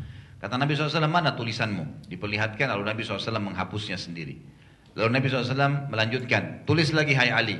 Ini yang disepakati antara Muhammad utusan Allah, Rasulullah dengan Suhail bin Amr. Suhail protes lagi.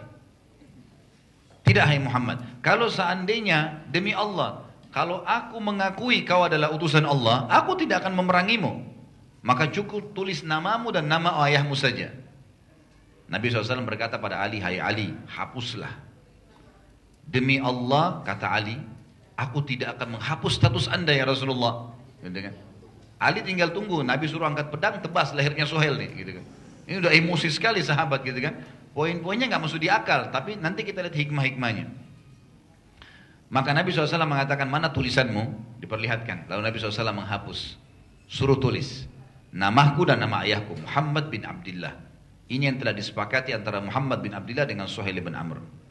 Ringkas cerita teman-teman sekalian, pada saat sementara ditulis tadi, baru mau tulis poin 1 sampai poin 8, ada orang di luar kemah teriak-teriak. Di luar kemah ini ternyata ada satu orang dari Mekah yang masuk Islam namanya Abu Jandal. Ya. Abu Jandal ini anaknya Suhail bin, bin Amr. Yang lagi tulis sepakat nih, itu masuk Islam rumahnya. Di waktu itu masuk Islam dan ayahnya hukum dia rupanya. Waktu dia masuk Islam di Mekah ayahnya hukum. Di, kayak dikurung lah kita kayak di penjara ya. Lolos. Dia dengar Nabi SAW dengan muslimin ada dia lari sampai ke wilayah haram. Gitu kan. Teriak-teriak ya Rasulullah saya datang untuk hijrah bersama anda. Apa kata Suhail? Hai Muhammad kesepakatan antara kita. Padahal ini poinnya belum ditulis ya. Kata Umar ya Rasulullah belum ditulis ini sahabat sudah emosi nih kan ya Rasulullah belum ditulis nih Kata Suhail, tidak cukup kau untuk kalian kata-kata, gitu kan? Kata Nabi SAW, iya, cukup buat kami. Gak masalah, hai Umar. Ya. Lalu kata Nabi SAW, ambillah. Suhail ini pulang, ditangkap anaknya dia, gitu kan? Dibawa, diseret ke pasukan Quraisy. Ini Abu Jandal nggak ngerti nih, gitu kan? Ya Rasulullah, hai muslimin, mereka kan rusak akidah saya, kenapa saya dibiarin ditangkap sama mereka? Kata Nabi SAW, sabarlah Abu Jandal. Semoga Allah berikan jalan untuk kamu dan sahabat-sahabatmu di Mekah. Gitu kan? Ini muslimin jengkel sekali nih. Melihat keadaan ini kan. Bagaimana bisa saudaranya sudah yang akan disepakati poin-poin tidak nyaman. ya Kemudian juga yang di, yang yang yang akan dimas yang jadi tadi sebelum ditulis poin 8 itu kan sudah diucapkan oleh Suhail gitu kan. Poinnya begini ya, 1, 2, 3, 4, 5 yang saya sudah bacakan tadi. Nabi SAW mengatakan baiklah kita setuju. Jadi sahabat sudah tahu poin apa yang akan disepakati termasuk yang jadi masalah berat bagi mereka adalah orang yang hijrah dari Mekah ke Madinah harus dipulangkan ke Mekah. Dan orang dari Madinah kalau murtad ke Mekah nggak boleh dipulangkan. Ini sudah membuat mereka jengkel sekali. Akhirnya Nabi SAW, eh, Umar bin Khattab pegang pedang, dekatin Abu Jandal. Gitu kan. Lalu Umar bilang, Hai Abu Jandal, orang kafir seperti ini, maksudnya ayahmu ini, darahnya lebih halal daripada darah anjing. Gitu. Udah jengkel dia. Aslinya Umar mengatakan saya berharap Abu Jandal ambil pedang bunuh saja ayahnya karena Posisinya di sini ini orang kafir dan Abu Jandal masih mukmin dan dia mau dibunuh. Ini kalau dikembalikan ke pasukan Quraisy, ayahnya bisa bunuh, bisa disuruh disiksa dan dia sudah beriman, nggak mungkin dibiarin gitu kan. Tapi Umar tahu, kalau Umar yang bunuh, maka Umar masuk dalam kesepakatan. Abu Jandal nggak masuk, orang nggak ngerti ini orang luar gitu. Baru masuk kan gitu. Tapi akhirnya Abu Jandal tidak mau melakukannya. Yang jelas teman-teman sekalian, Suhail kembali lalu menulis poin dari delapan setelah selesai kesepakatan, maka Quraisy menunggu kepulangan muslimin. Nabi SAW lalu bersabda kepada para sahabat, baliklah. Dan sekarang sudah sekali kesepakatan, balik. Rupanya sahabat ini 1300 ini semuanya marah. Enggak enak betul sama Quraisy nih. Harapan mereka turun wahyu perangi saja. Udah pokoknya perang ya Rasulullah gitu kan. Nabi SAW bilang, cukurlah rambut kalian. Umar bin Khattab datang Nabi SAW. Ya Rasulullah, bukankah anda telah menjanjikan kepada kami kalau kami akan memasuki Masjidil Haram dan tawaf di Ka'bah? Jadi rupanya sebelum Nabi SAW ajak mereka umroh nih, ada alasannya Nabi ajak umroh. Alasannya adalah Nabi SAW sempat lihat mimpi kalau uh, beliau masuk ke Mekah, tawaf bersama sahabat-sahabatnya dalam kondisi aman, nggak ada yang ganggu. Makanya Nabi SAW bilang, ayo kita umrah. Kita akan umrah dan kita akan masuk ke Masjidil Haram. Umar ingatkan, ya Rasulullah, bukankah anda menyampaikan pada kami bahwasanya kami akan masuk ke Masjidil Haram dan tawaf di Ka'bah? Kata Nabi SAW, Nabi jawab, benar wahai Umar. Tapi apakah aku mengatakan padamu itu terjadi tahun ini? Tidak ada perkataan tahun ini. Kita akan umroh ya, kita akan tawaf ya, tapi bukan tahun ini. Tidak ada perkataan tahun ini. Umar mengatakan, ya, pada saat itu, ya, tentu tidak ya Rasulullah. Anda tidak mengatakan itu. Tapi Umar masih penasaran. Dia datangi, dia bilang lagi pada Nabi SAW, Ya Rasulullah, bukankah kita benar sengaja Umar angkat suaranya supaya sahabat ini ada yang dukung dia. Maunya perang saja gitu. Kata Umar, Ya Rasulullah, bukankah kita benar orang-orang musyrik itu, ditunjuk orang-orang musyrik yang 3000 orang untuk pasukan itu semua adalah orang-orang yang salah. Kata Nabi SAW, benar. Umar berkata, lalu kenapa kita menghinakan diri dan agama kita ya Rasulullah? Maka kata Nabi SAW, Tuhanku selalu bersamaku hai Umar. Ini nggak salah keputusannya. Umar penasaran. Dalam kondisi begitu kita bayangkan kota di posisi Umar ini masih butuh jawaban gitu kan. Ini kita 1400 orang disuruh balik oleh orang kafir. Sementara kita masih bisa lawan kayaknya nggak masuk di akal gitu. Dia datang kepada Abu Bakar. Wahai Abu Bakar. Bukankah kita benar dan orang-orang Quraisy itu salah? Kata Abu Bakar, benar wahai Umar. Lalu kenapa kita menghinakan diri dan agama kita? Ayo perang aja gitu. Lalu kata oh Abu Bakar mengucapkan kalimat teman-teman dan ini jadi pelajaran. Subhanallah Abu Bakar ini orangnya lembut dan sangat tepat kalau mengucapkan kalimat. Dia mengatakan wahai Umar, ini adalah utusan Allah. Ini yang sedang kita ajak ngomong nih sekarang utusan Allah. Walaupun kau mertuanya bahasa gitu ya. Ini adalah utusan Allah. Di mana dia melangkah, jangan kau langkah tempat lain. Kalau bahasa bahasa bahasa langsungnya ulama jelaskan di mana dia letakkan pijakan kakinya, pijakan kakimu di situ. Jangan pernah kau melangkah. Maka Umar pun mengatakan, baiklah kalau gitu. Dia mulai sadar, dia diam gitu ya. Lalu kata Nabi SAW, bukalah baju ihram kalian dan cukurlah rambut kalian. Rupanya, waktu Nabi SAW bilang, bukalah baju kalian, karena buka baju ihram ya, jelas tidak jadi umroh nih, batal umroh sudah. Dan cukurlah rambut kalian. Orang-orang teman-teman sekalian kalau lagi umroh atau lagi haji, di tengah jalan misal ini terjadi peperangan, ya, sehingga kita terhabes namanya. Habes itu kayak tidak bisa masuk. Maka di tengah jalan kalau sudah lewatin mikot, kalau mau pulang harus cukur. Dianggap sudah selesai, eh, sama tahallul harus tahallul lah. Hukumnya begitu ya. Makanya Nabi SAW bilang, ini karena tidak jadi umrah, udah buka baju ihram kalian, cukur rambut kalian. Rupanya pertama kali dalam hidup Nabi SAW sahabat-sahabat tidak bergerak. Duduk semua, 1300 orang ini. Gak ada yang bergerak. Karena mereka masih berharap apa? Perang. Ini sudah jengkel penuh sama Quraisy nih, gitu kan. Subhanallah, Nabi SAW waktu itu heran. Lalu beliau masuk ke dalam kemah. Beliau takut kalau keluarkan dua kali instruksi, maka sahabat tidak lakukan bisa adabnya Allah turun. Ini sudah Perintah gitu kan. Boleh masuk ke dalam kemah. Di dalam kemah kebetulan ada istri Nabi SAW yang mulia, Ummul Mukminin Ummu Salamah. Ummu Salamah termasuk istri Nabi yang paling tua. Sudah tua dan bijaksana sekali. Melihat Nabi SAW sendiri ditanya, wahai Rasulullah, ada apa? Kata Nabi SAW, saya perintahkan mereka untuk cukur rambut dan buka ihram, tidak ada yang melakukannya. Aku khawatir adab Allah turun. Maka kata Ummu Salamah, ya Rasulullah, kalimat bijak dan ini berarti pelajaran juga. Tidak ada salahnya seorang suami mengambil pendapat dari istrinya yang bijak, kalau benar, gitu kan.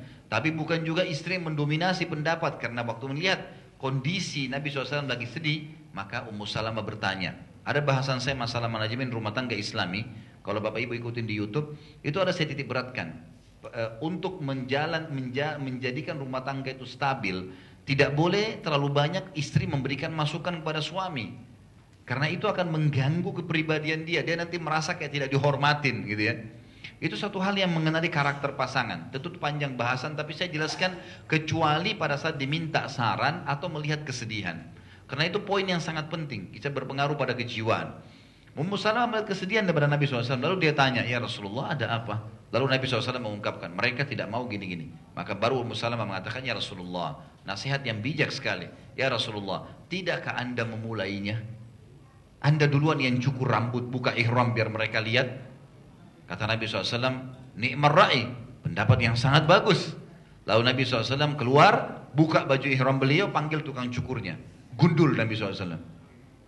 Waktu cukur, Waktu sahabat lihat Nabi SAW cukur, mereka saling mencukur satu sama yang lain. Karena diikuti dengan rasa emosi sampai luka-luka kepalanya. Dalam riwayat dikatakan begitu, sampai mereka saling melukai udah, gitu kan.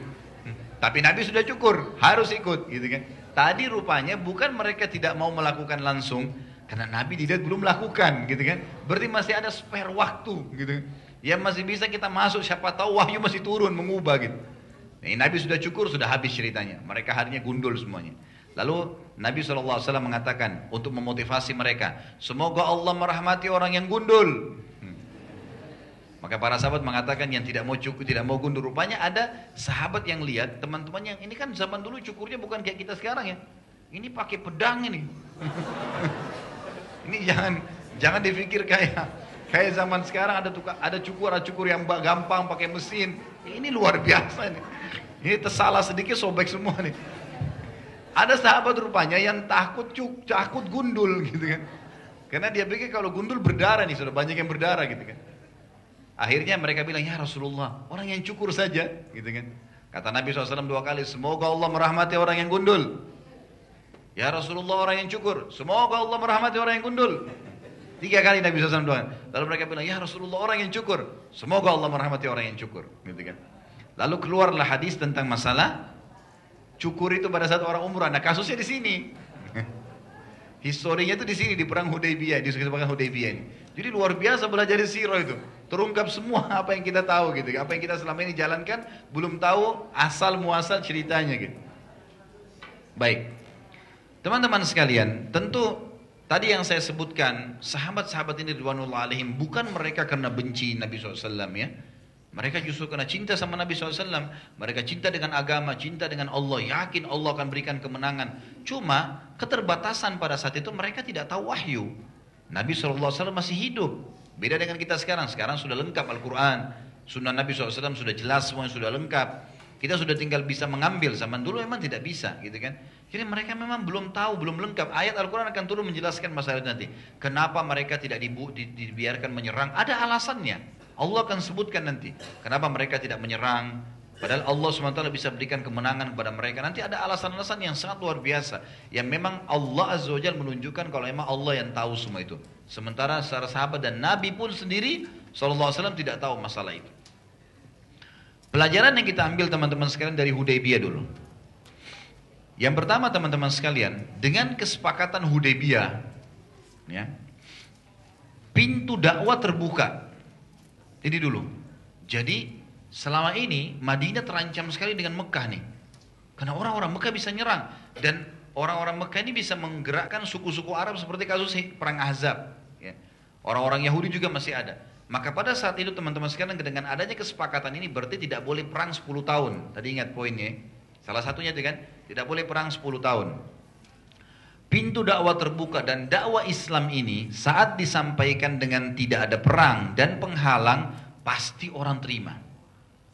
Makanya orang-orang non muslim sekarang yang tahu tentang masalah ini, mereka berusaha mengacaukan tengah-tengah umat Islam. Biarin selalu ribut. Karena keributan ini akan membuat orang tinggalin dakwah. Coba kalau dalam kondisi Bapak Ibu kayak sekarang, Masya Allah lagi tenang, Alhamdulillah sehat gitu kan. Datang ke masjid, belajar, kan bertambah iman kita ya. Jadi makin tahu, makin dekat, makin faham, makin dek, ingin kejar akhirat. Dunia ini makin sederhana di mata kita. Jadi Islam itu bisa diterima. Maka dengan kesepakatan Hudaybiyah, itu ternyata pintu dakwah jadi terbuka. Jadi ke mana-mana dakwah. Jadi selain Quraisy pun itu didakwai semuanya. Suku-suku Arab yang lain bebas karena ini kesepakatan hanya dengan Quraisy. Dan Quraisy tidak bisa mengganggu. Yang kedua teman-teman sekalian, kemenangan bagi muslimin karena setelah Hudaybiyah, setelah sepakat dengan Quraisy, ada namanya perang Khaybar. Nanti ini kita akan jelaskan di pertemuan kita yang akan datang masalah perang Khaybar. Khaybar adalah wilayah yang sangat kaya, tempatnya orang-orang Yahudi. Dan ini biang keladinya perang Ahzab nih, suku Kainuka dengan Nadir gitu kan. Itu nanti akan ada perang Khaybar. Jadi begitu Nabi SAW balik ke Madinah, langsung bentuk pasukan, langsung serang Khaybar. Dan menang. Jadi di sini kemenangan bagi muslimin karena setelah Hudaybiyah terjadi perang Khaybar, markas kekuatan Yahudi yang merupakan penyebab banyak masalah besar bagi muslimin yang salah satu masalah besar adalah pada saat terjadi koalisi Khandak, perang Khaybar, eh, perang Ahzab. Yang ketiga, Allah menamakan Hudaybiyah dengan kemenangan karena selama 13 tahun awal di Mekah, teman-teman sekalian, 13 tahun dakwah Nabi di Mekah yang masuk Islam berapa orang? 70 orang saja. 13 tahun berdakwah di Mekah hanya 70 orang yang masuk Islam. Setelah hijrah ke Madinah, 6 tahun pertama hijrah, karena kesepakatan sudah terjadi tadi di, di tahun 6 Hijriah ya. 6 tahun jumlah muslimin yang pergi umroh Hudaybiyah ini berapa orang? 1400-an ya. 1398 lah tepatnya tadi karena orang ya munafik kita keluarin Nabi SAW juga kita. Oke kita masukin Nabi SAW 1399 karena Nabi SAW yang masuk sebagai pemimpin di sini. Maka dalam enam tahun saja setelah hijrah jumlah muslimin itu 1400 orang yang hadir. 1359 yang hadir di Hudaybiyah plus yang ada di Madinah dengan perempuannya dengan anaknya kurang lebih 3000 orang. Jadi kan? Berarti dengan hijrah enam tahun saja tercapai yang tidak tercapai dalam 13 tahun di Mekah. Lihat setelah itu teman-teman sekalian, waktu terjadi kesepakatan Hudaybiyah, setelahnya dua tahun setelah itu nanti akan kita bahas. Setelah kita bahas perang Khaybar, ada perang-perang, nanti ada perang pembebasan kota Mekah. Dua tahun saja setelah itu, pasukan muslimin yang menyerang Mekah jumlahnya 10 ribu orang. Hanya dua tahun setelah Hudaybiyah, 10 ribu pasukan musuh sahabat menyerang Mekah dan menang. Jadi kesepakatan Hudaybiyah ini memang luar biasa sebenarnya. Tadinya kan ya, kalau seandainya buru-buru ya, ingin diserang pada saat itu, maka tidak akan terjadi seperti ini. Ini sekarang pengamanan lokasi Jazirah Arab, hikmah-hikmah ilahi yang sangat besar ya. Banyak orang masuk Islam dan target dakwah tercapai. Jadi dalam dua tahun setelah Hudaybiyah 10 ribu orang sahabat yang 13 tahun di Mekah tidak bisa dijangkau jumlah ini. Baik, saya ingin menutup bahasan kita dengan dua poin besar. Yang pertama teman-teman, kisah Abu Basir. Dan yang kedua nanti adalah tadabbur 29 ayat tentang surah Al-Fatih yang turun lengkap di sepakatan Hudaybiyah. Abu Basir ini begini kisahnya, unik nih. Setelah Nabi SAW ke Madinah, tiba di Madinah udah, dari sepakatan Hudaybiyah sudah pulang, Tiba-tiba dari Mekah Bapak Ibu sekalian ada satu orang namanya Abu Basir. Abu Basir ini baru masuk Islam. Buru-buru ke Madinah, hijrah. Ingat tadi poin, orang yang dari Mekah, eh dari Madinah kalau murtad, nggak boleh kembali ya. Kalau orang dari Mekah masuk Islam ke Madinah wajib dikembalikan. Abu Basir dari Mekah ke Madinah nih. Dikejar oleh dua orang Quraisy. Lari 400 kilo. Tiga hari mereka kejar-kejaran nih. Sampai tiba di Madinah masuk ke masjid. Waktu sampai di masjid, Nabi SAW lihat Abu Basir. Dia mengatakan, Ya Rasulullah, asyhadu an la ilaha illallah anna Muhammad Rasulullah. Saya sudah masuk Islam nih dan saya datang hijrah kepada anda. Baru dia ucapkan itu, dua orang Quraisy yang ngejar dia masuk ke masjid. Hai Muhammad, kesepakatan kita. Kata Nabi SAW benar, kesepakatan kita. Bawa dia. Kata Abu Basir, ya Rasulullah, saya sudah jauh-jauh ke sini. Gitu. Gak bisa Abu Basir. Kesepakatan, gitu kan. Ini sudah kesepakatan. Semoga Allah memberikan jalan keluar untuk kamu. Begitu bahasanya. Terpaksa Abu Basrin dibawa, ditawan. Pas tiba di Bir Ali, tempat mikot ya. Rupanya mereka istirahat sejenak. Abu Basir ini dengan hikmah ilahi gitu kan. Berhasil mengambil pedang salah seorang dari orang Quraisy dibunuh sama dia. Yang satu lagi dikejar. Nah orang Quraisy ini yang sedang dikejar tidak ada tempat terdekat menampakkan diri kecuali Madinah. Kan Bir Ali sudah keluar Madinah ya. Kembali lagi nih dia. Jadi sekarang terbalik Abu Basir yang ngejar. Gitu. Lari nih satu orang sampai ke dalam masjid. Waktu masuk ke masjid, ini baru kejadian baru berapa berapa saat gitu kan. Ini penuh dengan debu keringatan. Kata Nabi SAW mau tuh lihat orang ini telah melihat kematian nih.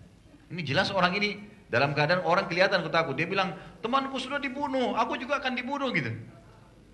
Lalu Abu Basir masuk. Abu Basir langsung mengatakan ya Rasulullah, Ya, ini kalimatnya dia bilang, ya Rasulullah, sesungguhnya Anda telah menjalankan kesepakatan Anda. Tadi waktu saya ditawan, saya datang dari Mekah ke sini, memang saya sudah ditawan kan? Dan Anda sudah mengembalikan saya. Cuma saya yang lepas. Tengah jalan nih, saya yang lepas. Berarti ini bukan urusan Anda lagi ya Rasulullah. Ini urusan saya sudah, gitu kan? Kata Nabi SAW, benar. Benar. Memang Nabi sudah Kata orang Quraisy itu yang satu orang, ya Muhammad, kesepakatan. Kata Nabi SAW, saya sudah serahkan dia. Kamu yang lepasin, gitu kan. Siapa suruh kamu lepasin, gitu kan. Wah akhirnya ini orang-orang Quraisy tahu harus buat apa. Tapi Nabi SAW melarang membunuhnya. Jangan dibunuh nih. Lalu Abu Basir bilang, ya Rasulullah, izinkan saya tinggal di Madinah. Kata Nabi SAW, tidak bisa ya Abu Basir. Kesepakatan, nggak boleh. Kalau itu dia bilang, ya Rasulullah, kalau begitu izinkan saya tinggal di mana saja saya mau. Asal jangan balik ke Mekah. Kata Nabi SAW, kau punya hak. Karena saya sudah berikan sebenarnya ke mereka untuk kamu dibawa ke Mekah. Tapi kamu lolos, bukan lagi ke tanggung jawab saya. Kata Abu Basir, baiklah.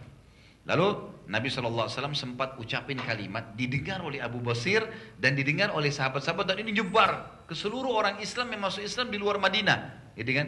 Kata Nabi, orang ini pandai dan cerdas. Gitu. Kata Nabi SAW, oh kalau saya kata, oh andai saja ia bersama beberapa orang yang membantunya, maka niscaya dia akan menyalakan peperangan. Memang Nabi SAW ini targetnya Mekah. Sebenarnya secara histori, Nabi targetnya Mekah harus takluk nih, tapi belum ada perintah, gitu kan? Maka Nabi bilang orang ini cerdas dan pintar. Kalau seandainya ada orang-orang yang membantunya, maksudnya orang-orang yang bukan dari Madinah, orang yang seperti dia yang masuk Islam, bergabung jadi pasukan maka terjadilah api peperangan gitu. Ini isyarat ya kata para ulama sirah, isyarat dari Nabi SAW agar Abu Basir meneruskan perjuangannya. Juga di sisi lain penjelasan hukum. Kalau perbuatan seperti ini tidak merusak kesepakatan. Karena Nabi SAW sudah jalankan. Gitu. Ini kasih cerita, Abu Basir rupanya tidak balik ke Mekah. Tapi dia datang ke wilayah satu wilayah namanya wilayah Ishq. Kalau mungkin teman-teman kalau masih ingat pernah saya jelaskan wilayah Ishq ini teman-teman wilayah antara Madinah dengan Syam, eh, antara ya Madinah dengan Syam. Ada satu wilayah Ishq ini penuh dengan kebun-kebun, rimbun gitu. Ada naungan air ya, ada air di situ, ada kayak ada kayak sungai, bukan sungai lah ya, air yang tertampung gitu. Jadi di situ subur sekali dan selalu kafilah Quraisy lewat di situ. Abu Basir ini nggak pulang ke Mekah, dia datang ke situ. Dia bisa hidup, ada pohon-pohon, ada buah-buahan diambil sama dia, bebas, nggak ada yang punya, minum air. Setiap lewat kafir Quraisy diserang sama dia. Abu Basir satu orang ini buat masalah, gitu kan? Nyerang, ganggu. Kafilah ini ada yang sempat dibunuh sama dia, ada yang diambil hartanya, kemudian ada yang sempat lolos lah. Terdengar berita di Mekah nih, tersebar di Mekah. Rupanya dari Mekah, masih ingat tadi kisah Abu Jandal ya? Anaknya Suhail bin Amr. Rupanya Abu Jandal ini dengar nih, Abu Basir ini. Dan Nabi SAW biarin. Lari dia, tengah malam lari. Bergabung sama uh, sama Abu Basir nih. Bergabung mulai dua orang nih, gitu kan. Bikin kacau. nyerang, nyerang, bunuh, pukul, lari, gitu kan. Gitu aja kerjanya, pokoknya takut-takutin. Akhirnya makin banyak orang yang sudah masuk Islam di Mekah yang tahu dengar mereka lari semua nih sampai terkumpul 70 orang. Gitu. Makin besar, makin besar gitu. Terus mulai mereka menyerang, menyerang, menyerang gitu. Ya. Akhirnya Quraisy mengirim surat kepada Nabi SAW. Bagaimana kesepakatan Hai Muhammad? Kata Nabi SAW, aku tetap pada kesepakatan. Kata Quraisy lalu bagaimana dengan Abu Basir dan teman-temannya? Kata Nabi SAW, saya tidak bertanggung jawab, tidak ada urusan. Kata Quraisy, kalau kami perangi dia kau tidak akan ikut campur? Kata Nabi SAW, tidak ikut campur. Baiklah, diutus pasukan. Ini wilayah Ishq teman-teman sekalian, wilayah yang luas. Padang pasir yang luas. Dan pasukan Quraisy sudah datang ke sana, Abu Basir sengaja tidak temui. Mereka nunggu sampai berhari-hari, nggak ada Abu Basir gitu. Kafilahnya lewat dibiarin sama Abu Basir. Begitu pasukan ini pulang, Abu Basir muncul lagi sama teman-temannya. Ganggu lagi kafilahnya mereka, gitu kan. Mereka bingung nih. Makin hari makin besar jumlah sampai terkumpul 300 personil. Ini semua dari orang-orang yang masuk Islam yang tahu kalau mereka ke Madinah pasti Nabi nggak terima karena kesepakatan. Tapi Nabi izinkan di tempat lain karena kesepakatan cuma Madinah sama Mekah. Tempat lain silahkan gitu loh. Maka yang terjadi terkumpul 300 orang. Abu Basir terus melebarkan serangannya sampai akhirnya Abu Basir menyerang kafilah-kafilah yang membawa makanan ke Mekah. Jadi mendekati Mekah. Sampai dekat Mekah, di Mekah itu rupanya ada uh, kafilah-kafilah khusus yang dari negeri Syam bawa-bawa makanan gitu kan. Itu diserang sama Abu Basir. Akhirnya Quraisy merasa terganggu. Sampai berhari-hari nggak ada makanan di Mekah nih. Akhirnya Quraisy mengutus Abu Sufyan. Datang Abu Sufyan ke Madinah. Ngobrol dengan Nabi SAW. Hai Muhammad, aku menuntutmu pada hak rahim di antara kita. Dan kami menarik khusus poin itu. Semua orang muslim yang lari dari Mekah ke Madinah tidak usah kembalikan ke kami. Yang dulu kan gitu. Kalau dari Mekah hijrah Madinah harus kembali. Sekarang tidak usah kembalikan, ambil saja di Madinah. Ini ngacoin kita nih gitu. Dan panggil Abu Basir supaya tinggal di Madinah gitu. Kata Nabi SAW, baiklah. Dipanggil Abu Basir, akhirnya Abu Basir kembali ke Madinah dan masuk tinggal di Madinah. Nabi SAW pada saat itu memanggil Umar, lalu berkata, Hai Umar, bukankah kau dulu berkata di Hudaybiyah, kalau ini penghinaan terhadap agama kita? Kan kau bilang ini kan, hinakan agama kita segala gini. Kau sudah lihat? Lihat apa efeknya gitu. Sekarang Quraisy pun datang, Abu Sufyan raja mereka datang ke Madinah. Mohon-mohon minta maaf. Allah punya cara. Abu Basir ini satu orang, bisa jadi 300 orang. Mengalahin dan keluar dari kesepakatan. Sampai mereka mohon-mohon. Kata Umar, Benar ya Rasulullah, sungguh aku mengakui kalau pendapat anda lebih berkah daripada pendapatku. Baik, ini kisah yang pertama atau berhubungan dengan yang pertama dalam penutupan kita masalah kisah Abu Basir. Kemudian yang selanjutnya teman-teman sebagai penutup adalah kita mentadaburi surah Al-Fatih lengkap 29 ayat turun pada saat itu. Dan sekarang sekaligus kita jawab semuanya teman-teman sekalian pertanyaan di antaranya kenapa Allah Azza wa Jal tidak membuat muslimin masuk ke Mekah pada saat itu. Ternyata ada alasannya penting sekali. Nanti akan kita jelaskan di ayatnya. Kita mulai dengan ayat 1, surah Al-Fatih, surah nomor 48 ayat 1 sampai ayat 29. A'udzu billahi minasyaitonir rajim. Inna fatahna laka fatham mubina. Sesungguhnya kami telah memberikan kepadamu kemenangan yang nyata. Di sini ulama jumhur ulama sepakat mengatakan kemenangan ini adalah kesepakatan Hudaybiyah. Jadi di mata muslimin awalnya ini kekalahan ya. Sahabat sampai sempat emosi segala, tapi ternyata ini kemenangan. Allah mengatakan, sesungguhnya kemenangan yang besar. Kenapa? Dakwah mulai nyebar, gitu kan. Kemudian muslimin mau nyerang siapa saja, Quraisy tidak ikut campur. Gak bisa ikut campur. Kesepakatannya begitu. Nabi SAW nanti akan perang Yahudi di Khaybar, ya, Quraisy tidak boleh ikut. Sama sekali. Ini mempermalukan nama mereka di Jazirah Arab kalau mereka ikut-ikutan. Dan pada saat setelah Khaybar nanti kita akan lihat ada uh, penyerangan Mekah nanti dua tahun kemudian, ya kemudian menang juga ada perang Hunain, ada perang Taif, ya kota Taif. Nanti akan semua itu akan ada penjelasan pada saat kita masuk pada poinnya insya Allah. Ayat kedua,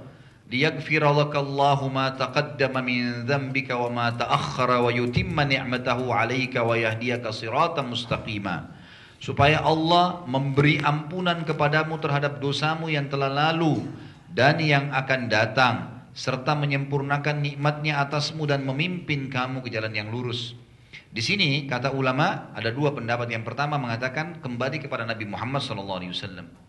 Makna daripada dosa di sini beda dengan dosa manusia kayak kita biasa. Maksudnya adalah dakwah Nabi SAW di Mekah yang 13 tahun itu ternyata tidak sesempurna sekarang.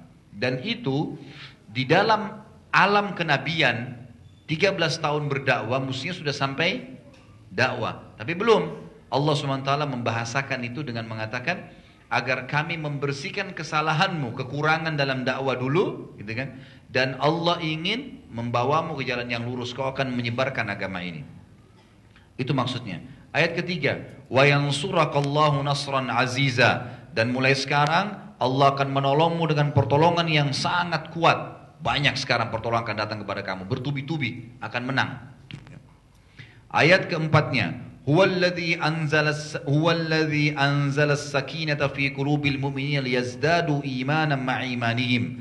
Walillahi junudus samawati wal ard wa kana Allahu aliman hakima. Dialah Allah yang telah menurunkan ketenangan di dalam hati orang-orang beriman supaya keimanan mereka bertambah di atas keimanan mereka yang sudah ada. Dan kepunyaan Allah lah tentara langit dan bumi dan Allah Maha mengetahui lagi Maha bijaksana. Maksudnya sini ketenangan pada saat itu ya waktu mau dibaiat, gitu kan, di bawah pohon tadi, Allah berikan ketenangan. Mereka mau berkorban untuk itu. Itu bukan hal yang ringan, karena mereka tidak punya persiapan perang, gitu kan. Tiba-tiba disuruh hadapin pasukan yang besar. Tentara langit dan bumi ulama tafsir mengatakan adalah orang-orang seperti malaikat misalnya, kemudian adanya binatang-binatang, angin tofan dan seterusnya. Allah SWT bisa menggerakkan apa pun seperti misalnya kasus ababil yang menghancurkan abroha burung ya. Itu yang dimaksud dengan binatang-binatang. Kemudian malaikat-malaikat yang hadir di perang badar gitu kan. Kemudian juga adanya angin taufan yang menghancurkan pasukan Quraisy perang eh, di perang Ahzab ya.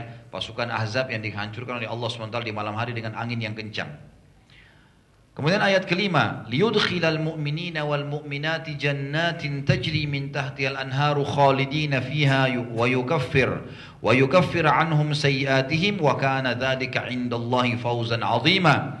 Supaya dia Allah memasukkan orang-orang mukmin laki-laki dan perempuan ke dalam surga yang mengalir di bawahnya sungai-sungai. Mereka kekal di dalamnya dan supaya dia membersihkan kesalahan-kesalahan mereka. Maksudnya dengan adanya jihad, dengan adanya kesabaran ini akan membersihkan dosa-dosa dan yang demikian itu adalah keberuntungan yang besar di sisi Allah. Allah SWT kadang-kadang datangkan cobaan justru kebaikan bagi orang beriman itu. Orang yang kalau dicoba teman-teman sekalian, dia akan fokus kepada ibadah. Orang kalau lagi sakit berat, lagi sakit parah, lagi ada masalah atau utang yang besar, kalau diajak maksiat tidak mau dia. Ya. Orang kalau lagi sakit, eh, ke diskotik, mana mau orang ke diskotik? Mana mau orang yang pergi berbuat dosa itu yang lagi santai-santai, lagi nggak ada kegiatan, nah itu. Jadi ada hadis Nabi yang berbunyi Inna Allah idha habba abdan ibtala. Allah kalau cinta seorang hamba Allah akan mengujinya. Ujian ini ternyata membuat apa? Dia makin dekat dengan Allah, gitu kan? Karena kita kalau lagi ada masalah kita ke mana nih arahnya nih? Dan kalau dia larikan ke doa, ke sujud, nangis sama Allah istighfar, maka dia akan dapat ketentraman jiwa.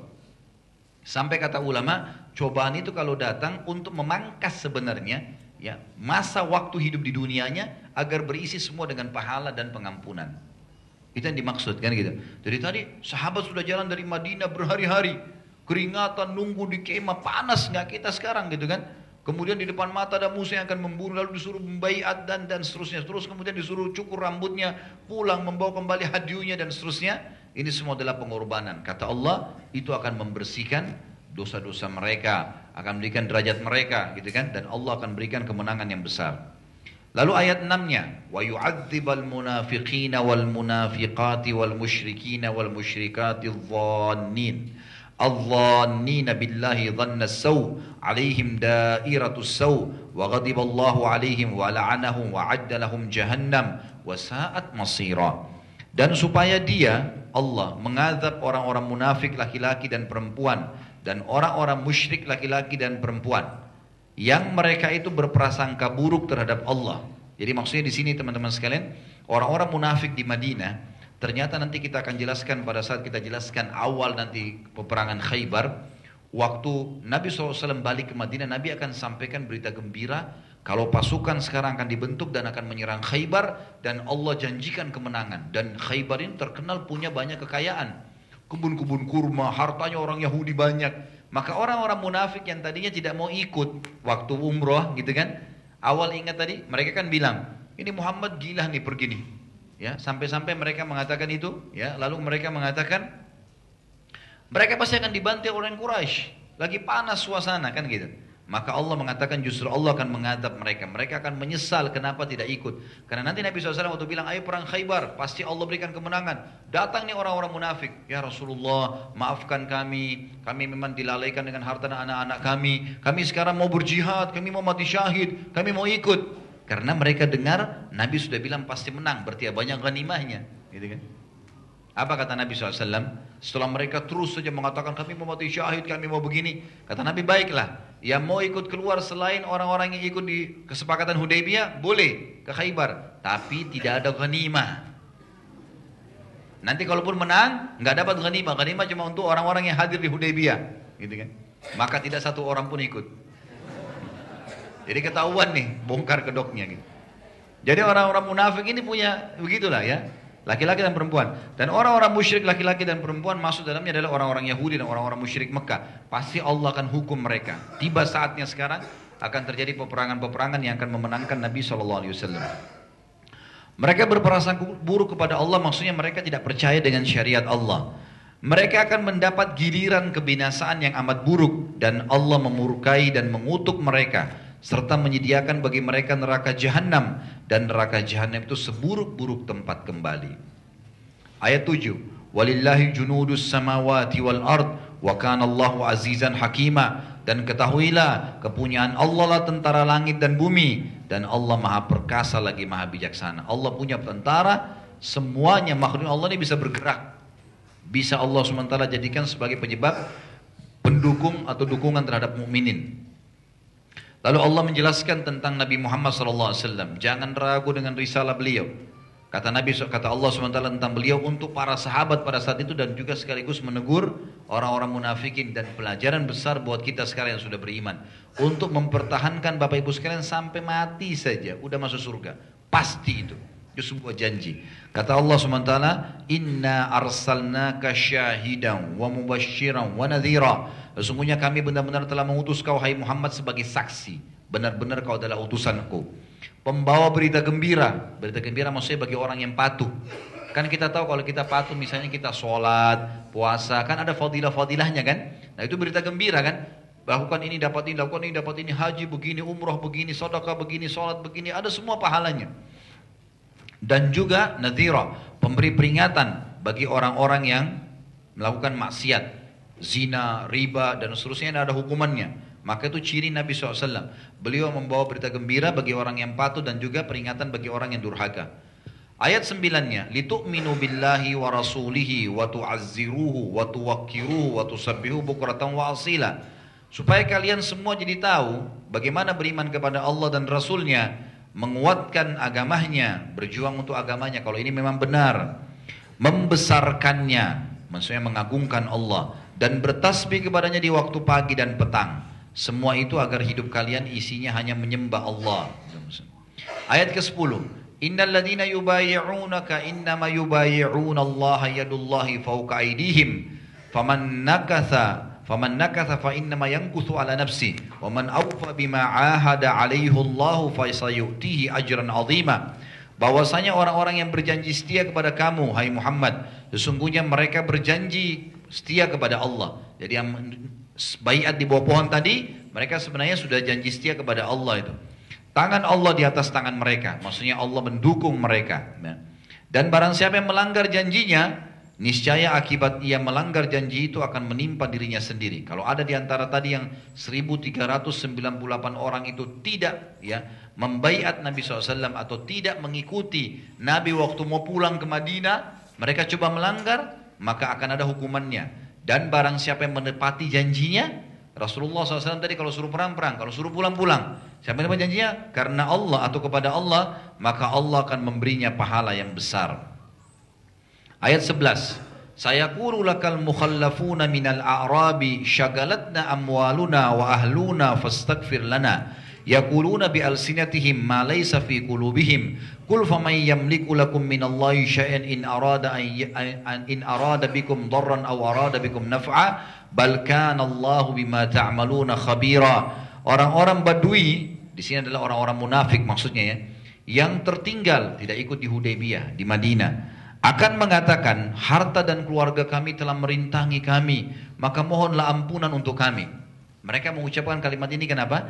Karena tadi saya bilang waktu Nabi SAW tiba di Madinah langsung Nabi bentuk pasukan untuk ke Khaybar. Pasti menang. Ada ghanimah banyak. Nanti ada ayat-ayat yang menjelaskan masalah itu. Maka mereka bilang, sungguh harta dan keluarga kami telah mengharangi kami. Mohon ampunlah buat kami ya Rasulullah. Mereka mengucapkan kata Allah dengan lidahnya. Apa yang tidak ada dalam hatinya. Lihat ayat berbicara luar biasa kejadian pada saat itu ya. Allah bongkar dan ini luar biasa mentadaburi ayat. Betul-betul turun pada saat kejadian itu. Maka siapakah gerangan yang dapat mengatakan kepada mereka, Hai Muhammad, siapa yang bisa menghalangi kalian atau uh, uh, siapa yang siapa yang dapat menghalang-halangi kehendak Allah jika dia Allah menghendaki kemudaratan bagi kalian atau jika dia menghendaki manfaat bagi kalian kalau seandainya Allah mau kalian dapat musibah walaupun kalian tidak ikut ke tidak ada peperangan pun kalian akan kena atau Allah ingin memberikan manfaat, siapa yang bisa menahannya? Sebenarnya Allah maha mengetahui apa yang kalian kerjakan. Ayat 12. Bal dhanantum allan yanqalibar rasul wal mu'minuna ila ahlihim abada ila ahlihim abadan wa zuyyina dhalika dhalika fi qulubikum wa zuyyina dhalika fi qulubikum wa dhanantum dhanna as-sau'i wa kuntum qauman bura. Tetapi kalian menyangka bahwasanya Rasul dan orang-orang mukmin tidak sekali-kali akan kembali ke keluarga mereka selama-lamanya. Maksudnya orang-orang munafik tadi kan. Ini kalau keluar ke Hudaybiyah ini pasti dibantai oleh Quraisy.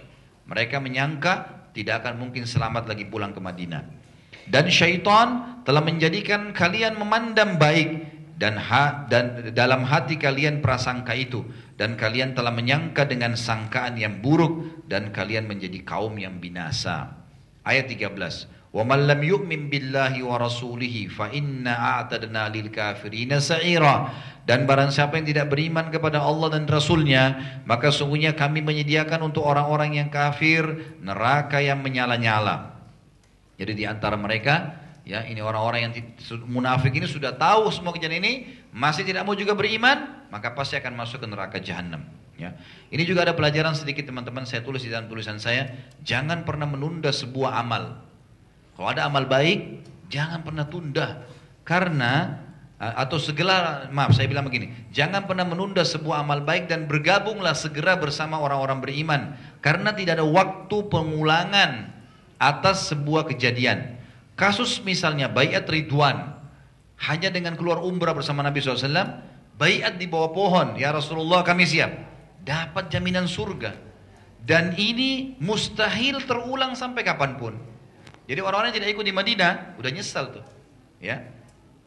Sungguh penyesalan yang tidak akan pernah berguna. Sama kasus begini misal, ada tetangga meninggal dunia. Contoh kecil saja. Lalu kita anggap, ah sudahlah gampang nanti sebentar. Sampai jenazahnya diantar ke masjid, sampai disolatin, sampai dikubur ke kuburan. Kita anggap remeh. Begitu selesai, ternyata dengar ceramah. Oh mensolati jenazah pahalanya satu kirat, satu gunung. Oh yang antar jenazah sampai dikuburkan satu gunung lagi. Terus nyesal, kira-kira ada manfaatnya? Sudah nggak ada manfaatnya pada saat, pada saat itu ya. Mungkin kalau ke depannya dia lakukan ibadah itu ya oke. Tapi sekarang pada saat ini dia biar berusaha mensuruh gali kembali kuburan tidak mungkin. Udah lewat waktunya gitu kan. Jadi kalau ada orang-orang beriman teman-teman lagi melakukan satu perbuatan baik, jangan tunda, ikut sama mereka. Masjid lagi dibangun, kita sumbang, jangan tunggu nanti, oh nanti gampang, nanti gampang. Ayo masjidnya sudah selesai, sudah telat, kita mau suruh bongkar lagi nggak mungkin lah, gitu kan? Udah jadi, gitu kan? Saya pernah gitu subhanallah, ada orang nyumbang, kemudian udah tertutup. Lama, Ustaz saya mau nyumbang, sudah nggak bisa, udah tertutup. Udah nggak bisa lagi, udah nggak ada, sudah selesai.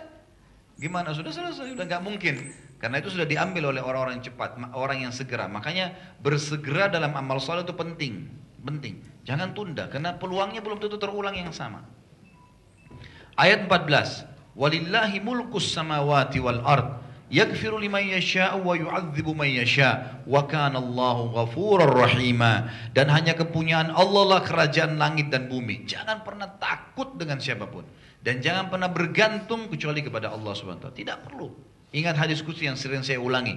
Kata Allah SWT, Hai anak Adam, kalau kau yakin dengan kerajaanku, maka tidak usah bergantung pada kerajaan siapa pun. Gak usah. Mau raja, mau presiden, tinggalin semua. Allah pemilik langit dan bumi, gini raja kita. Gitu kan? Maka ini luar biasa kata Allah SWT dan hai anak Adam. Kalau seandainya kau gantungkan nasibmu padaku. Semuanya ya Allah. Semuanya ya Allah. Ngeluin. Apa saja. Minta makan, minta minum, minta apa saja. Selalu angkat tangan ke langit. Ya Allah, ya Allah. Maka kau akan penuhi semua kebutuhanmu. Dan hai anak Adam. Kalau kau gantungkan nasibmu kepada selain aku. Maka aku akan biarkan kau dengan ketergantunganmu itu. Dan tidak datang kepadamu kecuali yang sudah aku takdirkan. Muter-muter pun yang kau makan yang aku takdirkan, yang kau minum yang aku takdirkan. Tetap semua ikut takdirnya Allah. Lalu untuk apa bergantung pada selain Allah? Ini makna ayat yang luar biasa. Allah kepunyaan hanya kepunyaan, hanya kepunyaan Allah lah kerajaan langit dan bumi. Semuanya nih. Dia memberikan ampun kepada siapa yang dia kehendaki. Segera taubat kalau buat salah. Dan mengadab siapa yang dia kehendaki. Semua akan kena hukumannya. Fir'aun habis, Namrud habis, siapa pun berbuat zalim habis ceritanya. Berapa lama dia mau bertahan dengan kezalimannya? Dan Allah Maha Pengampun lagi Maha Penyayang. Ayat 15. Sayaqulul mukhallafuna idan talaqtum ila maghanima lita'khuduha dharuna nattabi'kum yuriduna an yubaddilu kalam Allah kullan tattabi'una kadzalikum qala Allah min qabl fasayakuluna bal tahsudunana bal kanu la yafqahuna illa qalila. Orang-orang munafik itu berkata yang tertinggal ya, orang-orang badui dan orang munafik yang tertinggal itu akan berkata apabila kalian berangkat untuk mengambil harta rampasan perang maksudnya sudah mau ke Khaybar ya. Nanti setelah ini kan ada perang Khaybar biarkan kami niscaya kami akan mengikuti kalian. Maka mereka hendak merubah janjinya Allah. Artinya nggak mungkin gitu kan. Katakanlah, kamu sekali-kali tidak boleh mengikuti kami. Kalian tidak boleh ikuti kami. Demikianlah Allah telah menetapkan hukum sebelumnya. Mereka akan mengatakan sebenarnya kalian cuma dengki pada kami. Bahkan mereka tidak mengerti melainkan sedikit sekali. Jadi waktu disampaikan pun Perintah Allah nggak boleh ikut ke Khaybar hanya yang ikut di Hudaybiyah. Mereka bilang datang ya Rasulullah kami mau jihad, kami mau begini, kami mau begini. Selalu gitu kan. Maka pada saat dikatakan tidak bisa, hukum Allah begini. Mereka masih bantah lagi. Mereka masih bantah. Mereka masih mengatakan lagi, kalian cuma dengki pada kami. Ayat 16. Qul للمخلفين من minal ستدعون إلى قوم qaumin uli ba'sin syadid uli ba'sin syadidin tuqatilunahum aw yuslimun fa in fa in tuti'u yu'tikum yu'tikum yu'tikum Allahu ajran hasana wa in tatawallaw kama katakanlah kepada orang-orang badui yang tertinggal itu kalian uh, kamu akan diajak atau kalian akan diajak untuk memerangi kaum yang mempunyai kekuatan yang besar. Kalian akan memerangi mereka atau mereka menyerah masuk Islam. Maksudnya kalian akan mati atau mereka mati. Ini yang kalian mau datangin Khaybar nih kuat nih. Diingatkan dari sekarang. Mau ikut? Ini pasukan kuat yang kita akan hadapin, gitu kan. Tapi ada janji kemenangan. Maka jika kalian patuh ajakan itu, kalau kalian betul mau berperang, maka niscaya Allah akan memberikan kepada kalian pahala yang baik. Dan jika kalian berpaling, kalau kalian betul-betul ikhlas, Islam, mau memang betul-betul berperang, kalian akan dapat pahala yang besar. Ya, dan kalau kalian berpaling, pada saat tiba di sana kalian melarikan diri, niscaya dia Allah akan mengadab kalian dengan adab yang pedih. Ayat 17-nya. Laisa 'alal a'ma harajun wala 'alal a'raji harajun wala 'alal maridi haraj. ومن يطع الله ورسوله يدخله جنات تجري من تحتها الانهار ومن يتولى يعذبه عذابا أليما tidak ada dosa atas orang-orang yang buta ini ayat ini menjelaskan uzur orang yang tidak berjihad orang buta nggak bisa jihad gitu kan tidak ada dosa bagi orang yang buta orang yang pincang atau orang yang sedang sakit apabila tidak ikut berperang Barang siapa yang taat kepada Allah dan Rasulnya, niscaya Allah akan memasukkannya ke dalam surga yang mengalir di bawahnya sungai-sungai. Dan barang siapa yang berpaling, niscaya akan diazabnya dengan azab yang pedih. Lalu ayat 18 tadi yang sudah kita bacakan tentang bayat ridwan. laqad radiyallahu laqad radiyallahu 'anil mu'minina idh yubay'unaka tahta asy-syajarah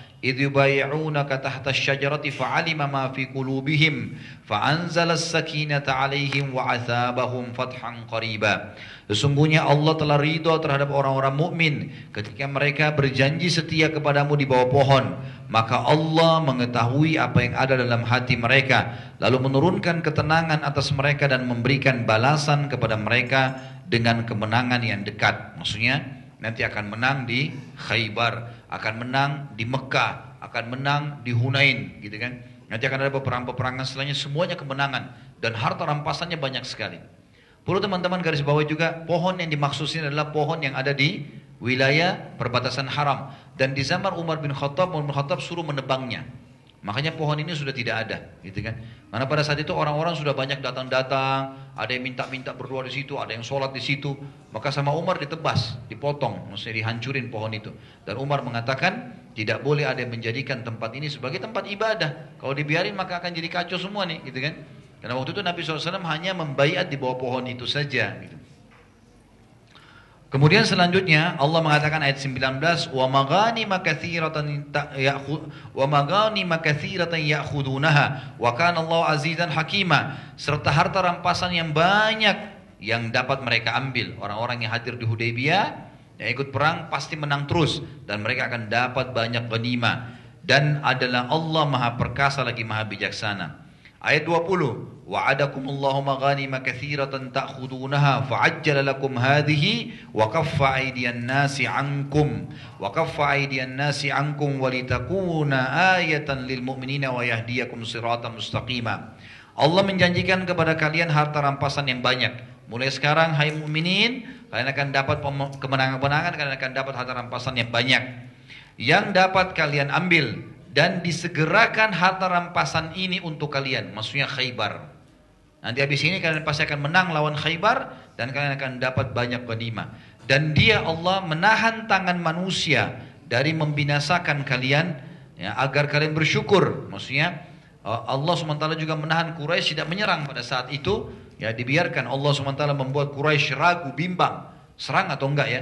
Padahal Quraisy 3000 orang dan belum lagi kekuatan yang ada di Mekah gitu kan.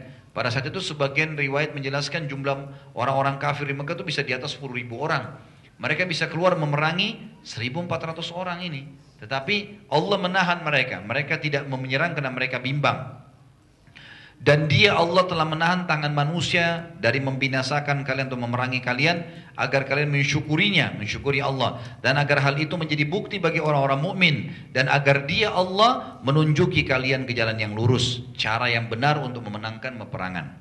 Ayat 21. Wa ukhra lan taqdiru 'alaiha qad ahata Allahu biha wa kana Allah ala kulli syai'in qadira. Dan telah uh, dan telah menjanjikan pula kemenangan-kemenangan yang lain atas negeri-negeri yang kalian belum dapat menguasainya yang sungguh Allah telah menentukannya dan adalah Allah Maha Kuasa atas segala sesuatu. Khusus ayat 21 ini yang dimaksud dengan lam takdiru alaiha kota atau wilayah yang belum kalian mampu adalah nanti kita jelaskan setelah perang Khaybar ada perang pembebasan kota Mekah lalu ada pada perang kota Taif. Taif ini tidak sempat takluk dan ini tafsir yang pertama dimaksud dalam ayat 21 adalah kota Taif yang belum Allah berikan kesempatan untuk memenangkan peperangan di situ. Ada juga makna tafsir yang lain adalah wilayah-wilayah yang belum dijangkau oleh sahabat yaitu di luar jazirah Arab. Karena pada saat itu kemenangan Allah sudah janjikan ya, tapi masih nyebar di sekitar Madinah. Mekah, Madinah, seluruh jazirah Arab nantinya. Nanti di zaman Abu Bakar sama Umar baru nyebar ke ya ke negeri Syam, baru ke Persia, baru ke Afrika gitu kan. Jadi ada wilayah-wilayah yang Allah sudah janjikan menang-menang semuanya, tapi belum kalian mampu. Karena belum belum saatnya sekarang, tapi pasti menang. Nanti pasukan muslimin akan menang. Allah sudah janjikan dari sekarang. Kemudian ayat 22 Walau qatalakumul ladina kafaru lawallau al-adbara thumma la yajiduna waliyan wala nasira. Dan sekiranya orang-orang kafir mau memerangi kalian pada saat itu, pasti mereka akan berbalik melarikan diri ke belakang atau kalah. Kemudian mereka tidak memperoleh pelindung dan tidak pula penolong. Maksudnya Allah SWT menekankan, kalau pada saat itu pun di Hudaybiyah, kalian yang yang saya perintahkan adalah nyerang, pasti kalian akan menang. Tapi Allah belum izinkan, belum saatnya pada saat itu. Ada alasan lain nanti. Ya. Ayat 23 Sunnatullahi allati qad khalat min qabl wa lan tajida li sunnatillahi tabdila. Sebuah ketetapan yang telah berlaku sejak dahulu maka kalian sekali-kali tidak akan bisa mengubah ketetapan Allah. Jadi kalau Allah tentukan akan terjadi, Allah tidak tentukan tidak akan terjadi. Apa pun kalian usahakan, kalian mau jengkel, kalian mau sakit hati, kalau Allah bilang nggak jadi nggak jadi, jadi jadi, gitu kan? Maka ini sunnatullah, nggak mungkin berubah. Ayat 24. Batni Makkah min qabl min ba'd. Bi batni Makkah min ba'di an adfarakum alaihim. Wa kana Allah bima ta'maluna basira dan dialah Allah yang telah menahan tangan mereka memerangi kalian dan menahan tangan kalian untuk memerangi mereka di tengah kota Mekah sesudah Allah memenangkan kalian atas mereka dan Allah Maha melihat apa yang kalian kerjakan. Ayat 24 ini sebenarnya menjelaskan tentang nanti pembebasan kota Mekah. Nanti pada saat muslimin masuk 10 ribu pasukan itu menyerang Mekah, itu tidak jadi tidak ada peperangan padahal sudah masuk ke Mekah. Orang Quraisy menyerah, sahabat juga ditahan oleh Nabi SAW untuk tidak membunuh. Kecuali orang-orang tertentu nanti kita jelaskan pada saat pembebasan kota Mekah. Jadi Allah menjelaskan Allah lah yang telah membuat itu. Menahan tangan kalian tidak membinasakan mereka dan juga mereka tidak melawan kalian. Sehingga kemenangan nanti di Mekah jelas. Lalu Allah subhanahu wa ta'ala di ayat 25 teman-teman menjelaskan kenapa juga alasannya pada saat itu sahabat tidak langsung disuruh masuk Mekah saja. Padahal bisa kan? Dijanjikan kemenangan. Kok bisa? Ini alasan yang tadi saya bilang, ayat 25. Ternyata di Mekah teman-teman sekalian, ada orang-orang yang sudah beriman, gitu kan? Tapi menyembunyikan imannya, dan banyak jumlahnya, bukan sedikit. Cuma sahabat-sahabat gak tahu mereka itu sudah beriman. Karena mereka sembunyikan imannya. Allah tahu mereka.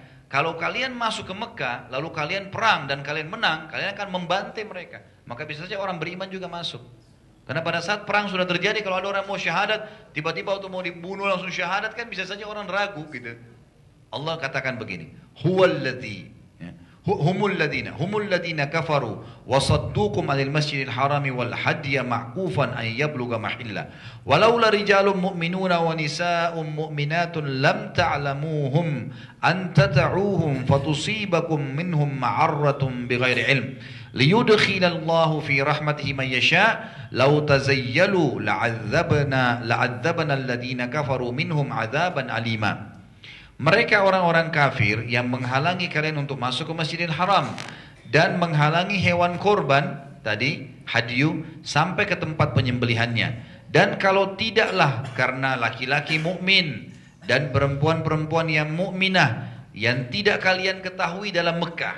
Ya ini maknanya ya yang kalian tidak ketahui di dalam Mekah bahwa kalian akan membunuh mereka yang menyebabkan akan akan ditimpa kesusahan tanpa pengetahuan kalian. Tentulah Allah tidak akan menahan tangan kalian dari memerangi mereka. Maksudnya kalau kalian tadinya mau masuk Mekah nih dan Allah izinkan, maka bisa terjadi kalian tidak tahu di Mekah itu ternyata Allah menahan sahabat tidak menyerang pada saat Hudaybiyah justru karena Allah tahu di Mekah banyak laki-laki dan perempuan yang beriman dan kalian tidak tahu mereka itu.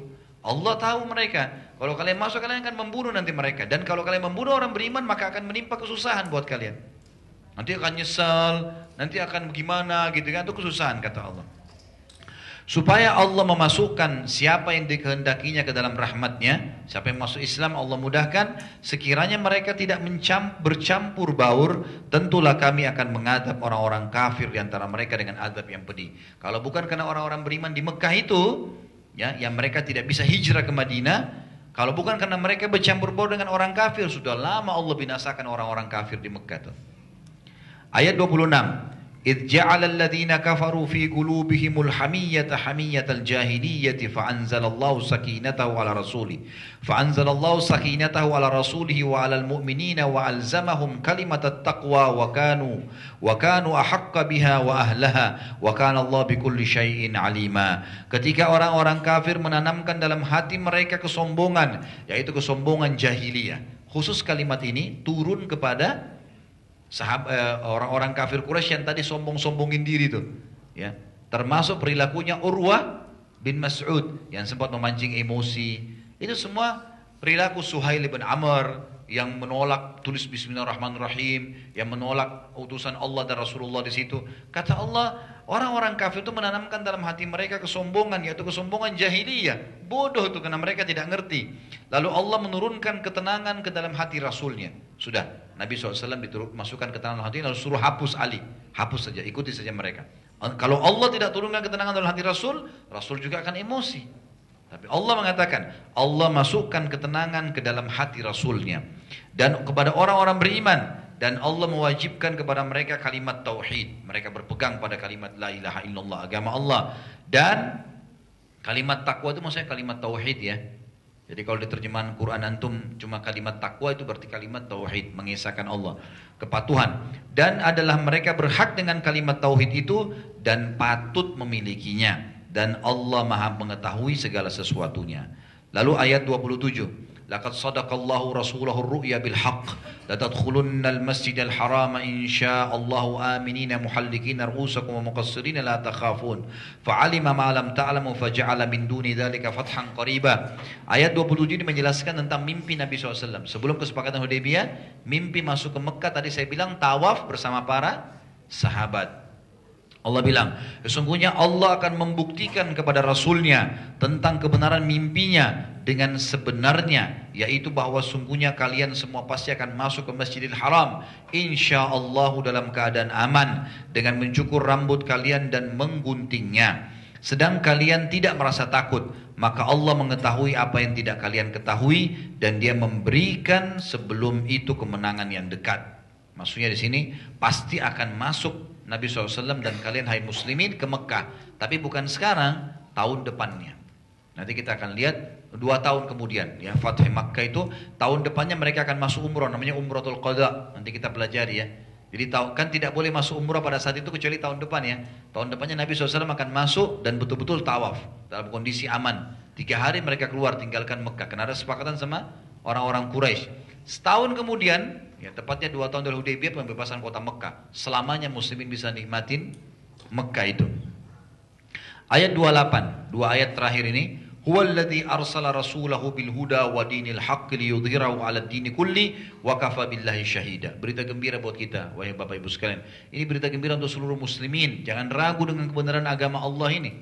Kata Allah, dialah Allah yang telah mengutus rasulnya Muhammad wasallam untuk diciplak, diikutin dengan membawa petunjuk dan agama yang hak agar dimenangkannya terhadap semua agama. Pasti kalau kita dakwahin ini kita akan menang. Benar, ini janji Allah. Dan cukuplah Allah sebagai saksi. Tidak usah kalian butuh yang lainnya. Allah lah cukup dijadikan sebagai pegangan. Ayat terakhir teman-teman sekalian Allah memastikan kalau Nabi SAW dan para sahabat adalah kudwa, suri tauladan kita dan sudah disebutkan dalam Taurat dan Injil tentang ciri-ciri mereka. Kata Allah Muhammadur Rasulullah Walladina ma'ahu Ashidda walal kufari ruhama'u bainahum Tarahum rukka'an sujjadan yabtaguna fadla min Allahi wa ridwana Simahum fi wujuh min athari sujud Thalika mathalahum fit tawrat Wa mathalahum fil injili ka zar'in akhraja syat'ahu fa'azara Fa'azarahu fastaklata fastawa ala suki yujibu zura'an yagida bihimul kufar Wa'adallahu ladina aman wa amilu salihati binu magfiratan wa ajran azimah Muhammad itu benar-benar utusan Allah, nggak ada keraguan. Ikutin dia dan orang-orang yang bersamanya, para sahabat, ya, yang mereka tegas terhadap orang-orang kafir. Ini kalau saya pribadi e, sebenarnya berharap agar terjemahan e, keras ini diganti dengan tegas ya. Karena memang dalam Islam kita disuruh tegas, bukan keras ya. Tegas. Tegas itu ini boleh ini nggak boleh. Perangi atau enggak itu tegas. Keras itu lain. Keras itu kata-katanya kotor ya. Enggak baik lah gitu ya. Dalam Islam tidak ada kekerasan tapi ada ketegasan. Mereka tegas terhadap orang-orang kafir ya. Di sini tegas dalam keputusan-keputusan agama Allah. Dan mereka berkasih sayang sama mereka. Kalian akan melihat mereka cirinya sahabat selalu ruku. Tentu Nabi SAW nomor satu. Nabi SAW dan para sahabat selalu ruku dan sujud mencari karunia Allah dan keridohannya. Tanda-tanda mereka tampak pada muka mereka dari bekas sujud. Di dahi mereka ada warna hitam. Ya. Ada sebagian orang mengubah makna ini mengatakan bukan yang dimaksud dengan dahi hitam. Ini keliru. Karena Nabi SAW mengatakan dalam hadis yang sahih, saya diperintahkan sujud dengan tujuh anggota tubuh. Yang pertama dahi dan hidung, baru dua telapak tangan, dua lutut dan dua telapak kaki. Jadi memang dahi itu kalau sering sujud kepada Allah dan ikhlas maka akan keluar tanda hitam. Itu yang dimaksud ya. Dikatakan di sini bekas sujud. Kita tahu sujud kita letakkan kepala kita di tanah kan? Ada yang menafsirkan makna lain, ya cahaya nanti hari kiamat itu lain. Ini bekas sujud di wajah mereka. Jelas di sini dikatakan. Demikianlah sifat-sifat mereka telah tersebutkan dalam Taurat dan sifat-sifat mereka telah disebutkan dalam Injil, yaitu seperti tanaman yang mengeluarkan tunasnya. Maka tunas itu menjadi tanaman yang kuat, lalu menjadi besarlah dia dan tegak lurus di atas pokoknya. Jadi maksudnya mulai dari biji yang kecil, nanti dia akan membesar, membesar, membesar, gitu kan? Tanaman itu menyenangkan hati penanam-penanamnya karena Allah hendak menjengkelkan hati orang-orang kafir dengan kekuatan orang-orang mukmin. Allah menjanjikan kepada orang-orang yang beriman dan mengerjakan amal soleh di antara mereka ampunan dan pahala yang besar. Maksudnya adalah Allah subhanahu wa ta'ala tadinya muslimin dianggap remeh di Madinah. Berapa jumlah mereka? Tapi Allah mengatakan mereka seperti biji yang kecil nanti akan jadi besar, akan jadi batang pohon yang kuat dan akan kokoh dan petani-petani akan bangga dengan tanaman tersebut. Ini perumpamaan. Artinya orang seluruh dunia akan kagum dengan kaum muslimin. Walaupun jumlah mereka tadinya kecil di Madinah, tidak punya teknologi, tidak punya segala, tapi mereka akan memimpin dunia dan menjadi orang yang paling banyak penganutnya, agama paling banyak penganutnya di muka bumi ini. Allahu alam. Jadi itulah bahasan kita hari ini Bapak Ibu sekalian tentang masalah Hudaybiyah yang sangat agung di mana banyak kaum muslimin yang melalaikan tentang masalah ini ternyata ini adalah sebuah kemenangan yang besar dan ternyata ada satu surah lengkap turun khusus membahas masalah ini dan surah Al-Fatih akan kita sebutkan e, dalam pertemuan kita yang akan datang juga masalah Khaybar dan juga kita akan sebutkan dalam pembebasan kota Mekah dengan izin Allah Subhanahu wa taala. Pak Ustaz tolong jelaskan latar belakang yang menyebabkan tragedi kemanusiaan yang sedang terjadi di negeri Syria. Saya pribadi nggak tahu ya, saya pribadi nggak tahu sama sekali. Apa penyebab utamanya saya nggak tahu. Yang saya tahu sekarang terjadi antara pemerintahan dengan masyarakatnya. Tetapi ada beberapa informasi dari teman-teman yang memang sudah terjun ke sana, yang sekarang memang lagi membawa bantuan-bantuan dari Indonesia ke sana, dan saya sudah duduk banyak bukti-bukti yang mereka perlihatkan kepada saya. Ternyata memang e, kelompok rezim Bashar ini orang yang berfaham Syiah dan menganggap orang lain selain mereka itu halal darahnya gitu kan? Dari ahli sunnah wal jamaah. Dan itu memang sudah menjadi sebuah tradisi syiah ya.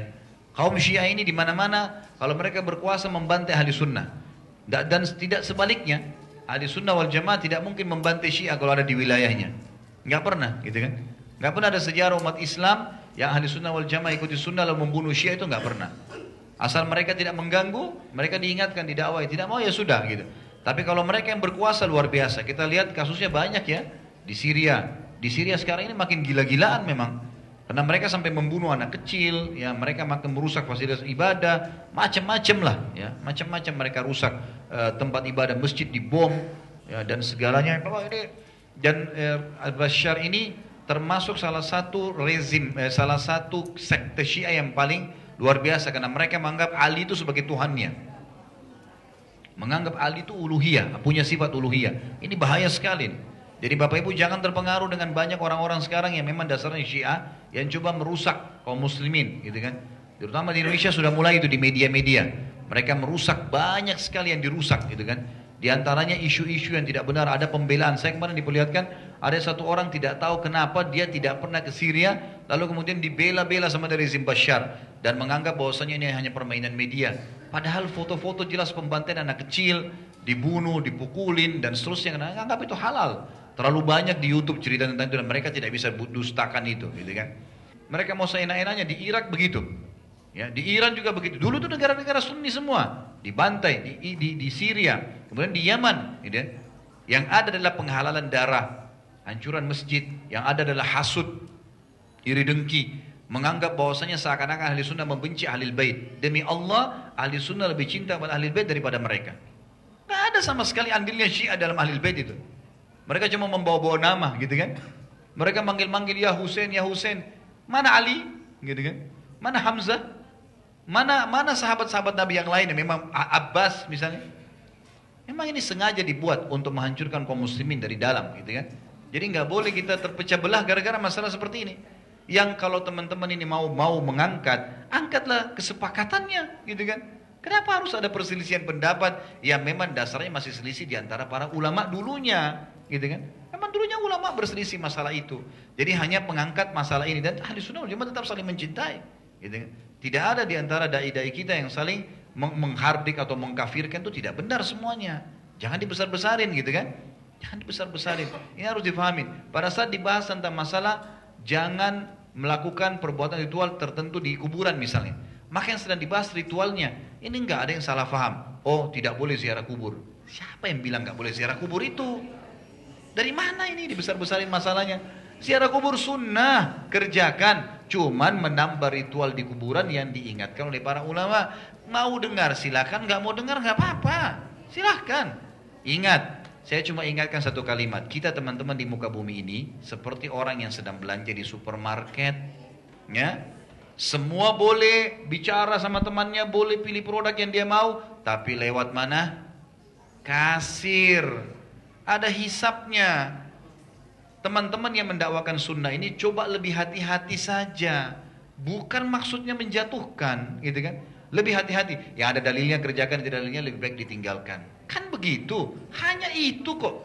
Ini enggak ribut seakan-akan sudah sebuah momok yang besar sekali. Dibesar-besarin gitu kan. Karena sebenarnya tidak ada masalah. Tidak ada sesuatu yang yang yang sangat besar yang perlu sampai tumpahin darah lah, apalah segala. Ini dari mana ini tumpahin darah? Orang muslim sama muslim mau saling membunuh, dia nggak caranya. Nggak mungkin lah itu terjadi ya. Bagaimana apabila seorang wanita ingin menikah dengan non muslim yang orang non muslim ini ingin masuk Islam dengan melalui wanita tersebut. Tapi sampai saat ini non muslim tersebut belum juga masuk Islam karena masih dilarang atau ingin menghormati keluarganya. Apakah orang ini orang ini masuk Islam hanya karena wanita tersebut bukan karena Allah? Saya nggak tahu niatnya. Jangan tanya saya itu. Tanya saya hukumnya menikah dengan orang non muslim atau orang yang masuk Islam itu mungkin saya jawab kalau dia karena Allah atau memang dia karena niatnya karena wanita itu Allah alam gitu kan. Dan saya sarankan, saran saya, semua muslimah jangan nikah kecuali dengan mukmin. Orang muslim saja, orang muslim saja, ya, itu masih banyak masalah kalau berumah tangga. Ini mau nambah PR untuk apa ini? Hah? Emang sudah habis laki-laki muslim? Hanya gitu. Oh karena saya cinta. Bapak ibu sekalian, cinta itu yang sebenarnya adalah pengorbanan. Setelah berumah tangga, ada pengorbanan, baru muncul cinta. Kalau baru awal tuh kecenderungan namanya. Bukan cinta itu, dusta semuanya gitu kan. Itu cinta palsu. Gitu. Jadi nggak ada. Allahu alam. Saran saya jangan seperti itu. Ya. Baik kita tutup dengan ini. Perjanjian Hudaybiyah ya, bukan Ubaidiyah ya. Hudaybiyah. Perjanjian Hudaybiyah Muslim diuntungkan karena dilihat Indonesia amat aman, jadi mudah berdakwah. Jadi mau masjid-masjid jamek besar didakwahin, Ustadz. Apa ini? Saya nggak ngerti. Hmm. Kalau di Indonesia aman jadi mudah berdakwah, yang dimaksud masjid-masjid jamek besar didakwahin untuk bertaubat. Saya nggak ngerti maksudnya, maaf. Ya. Jadi mungkin uh, kita nggak nggak bahas dulu ini. Yang jelas teman-teman sekalian, Hudaybiyah yang kita pelajari tadi, saya kasih globalnya saja adalah kemenangan bagi muslimin dari awal pada saat itu sampai hari kiamat. Karena Allah SWT jadikan itu awal kemenangan kaum muslimin. Awal berjam, bertambah jumlahnya, awal menjadi amannya Madinah, awal terbentuknya pasukan besar gitu kan. Dakwah melebar ke mana-mana Alhamdulillah sampai di zaman Uthman bin Affan masuklah ya apa namanya Eh, dakwah Islam di Asia Tenggara termasuk Indonesia ini. Mungkin begitu dulu karena sudah lihat waktunya. Kita berdoa kepada Allah Subhanahu wa taala semoga apa yang kita bahas hari ini bermanfaat buat kita semua dan juga dijadikan sebagai tambahan amal kita pada hari kiamat. Semoga Allah SWT menyatukan hati seluruh muslimin dalam manhaj Alkitab Sunnah, berpegang pada Al-Quran dan Sunnah, dan Allah memberikan kita pemimpin juga yang berpegang pada Al-Quran dan Sunnah, dan menegakkan Islam di dalam negara kita ini, dan memberikan keamanan seluruh negara kaum muslimin. Dan semoga hadir di sini dan kedua orang tua kita serta seluruh muslimin dan muslimat di luar sana diampuni segala dosanya dan juga dijadikan atau digantikan dengan kemahamurahan Allah Sang Pencipta menjadi pahala dan semoga semua yang sakit disembuhkan penyakitnya, yang terlilit utang dilunasi utangnya, yang memiliki keturunan diberikan keturunan yang soleh dan soleha, yang belum memiliki pasangan diberikan pasangan yang soleh dan soleha, dan juga seluruh muslimin di Palestina, di Syria, di Yaman, di Irak, di Myanmar, di mana pun mereka berada, yang sedang tertindas, semoga Allah ikhlaskan niat mereka, terima para syuhada mereka, muliakan Islam di tangan mereka dan tangan kita semua, dan semoga Allah partisipasikan kita bersama mereka di pahala, baik dengan doa dan juga dengan jiwa kita, dan semoga Allah dengan kemahamurahnya menyatukan kita semua di surga firdausnya tanpa hisab mana ia satukan kita di majlis ilmu yang mulia ini. Uh, sebagai penutup kita tentu mengajak teman-teman sekalian untuk kembali ke web resmi di www.khalidbasalama.com bisa ikuti ceramah-ceramah di sana ada kurang lebih Alhamdulillah 425 ceramah yang bisa ditonton dan sangat terbuka. Kalau ada yang punya masukan yang positif silahkan. Saya adalah manusia muslim biasa yang punya bisa-bisa punya salah dan yang paling penting adalah bagaimana kita sama-sama ber, uh, bergandengan untuk menyampaikan agama Allah yang benar dan memperjuangkan sunnah Nabi Sallallahu Alaihi Wasallam. Dan juga tentu Bapak Ibu sekalian kalau nonton di YouTube tolong diberikan dukungannya dengan di like, di jempol, kemudian di subscribe bisa berlangganan di situ. Juga di share, disebar kepada kaum muslimin agar bisa lebih bermanfaat buat kita semua. Mungkin begitu kalau ada benar dari Allah, kalau ada salah dari saya mohon dimaafkan. Subhanakallahumma wa bihamdika asyhadu an la ilaha illallah astaghfirullah wa atubu ilaik. Wassalamualaikum warahmatullahi wabarakatuh.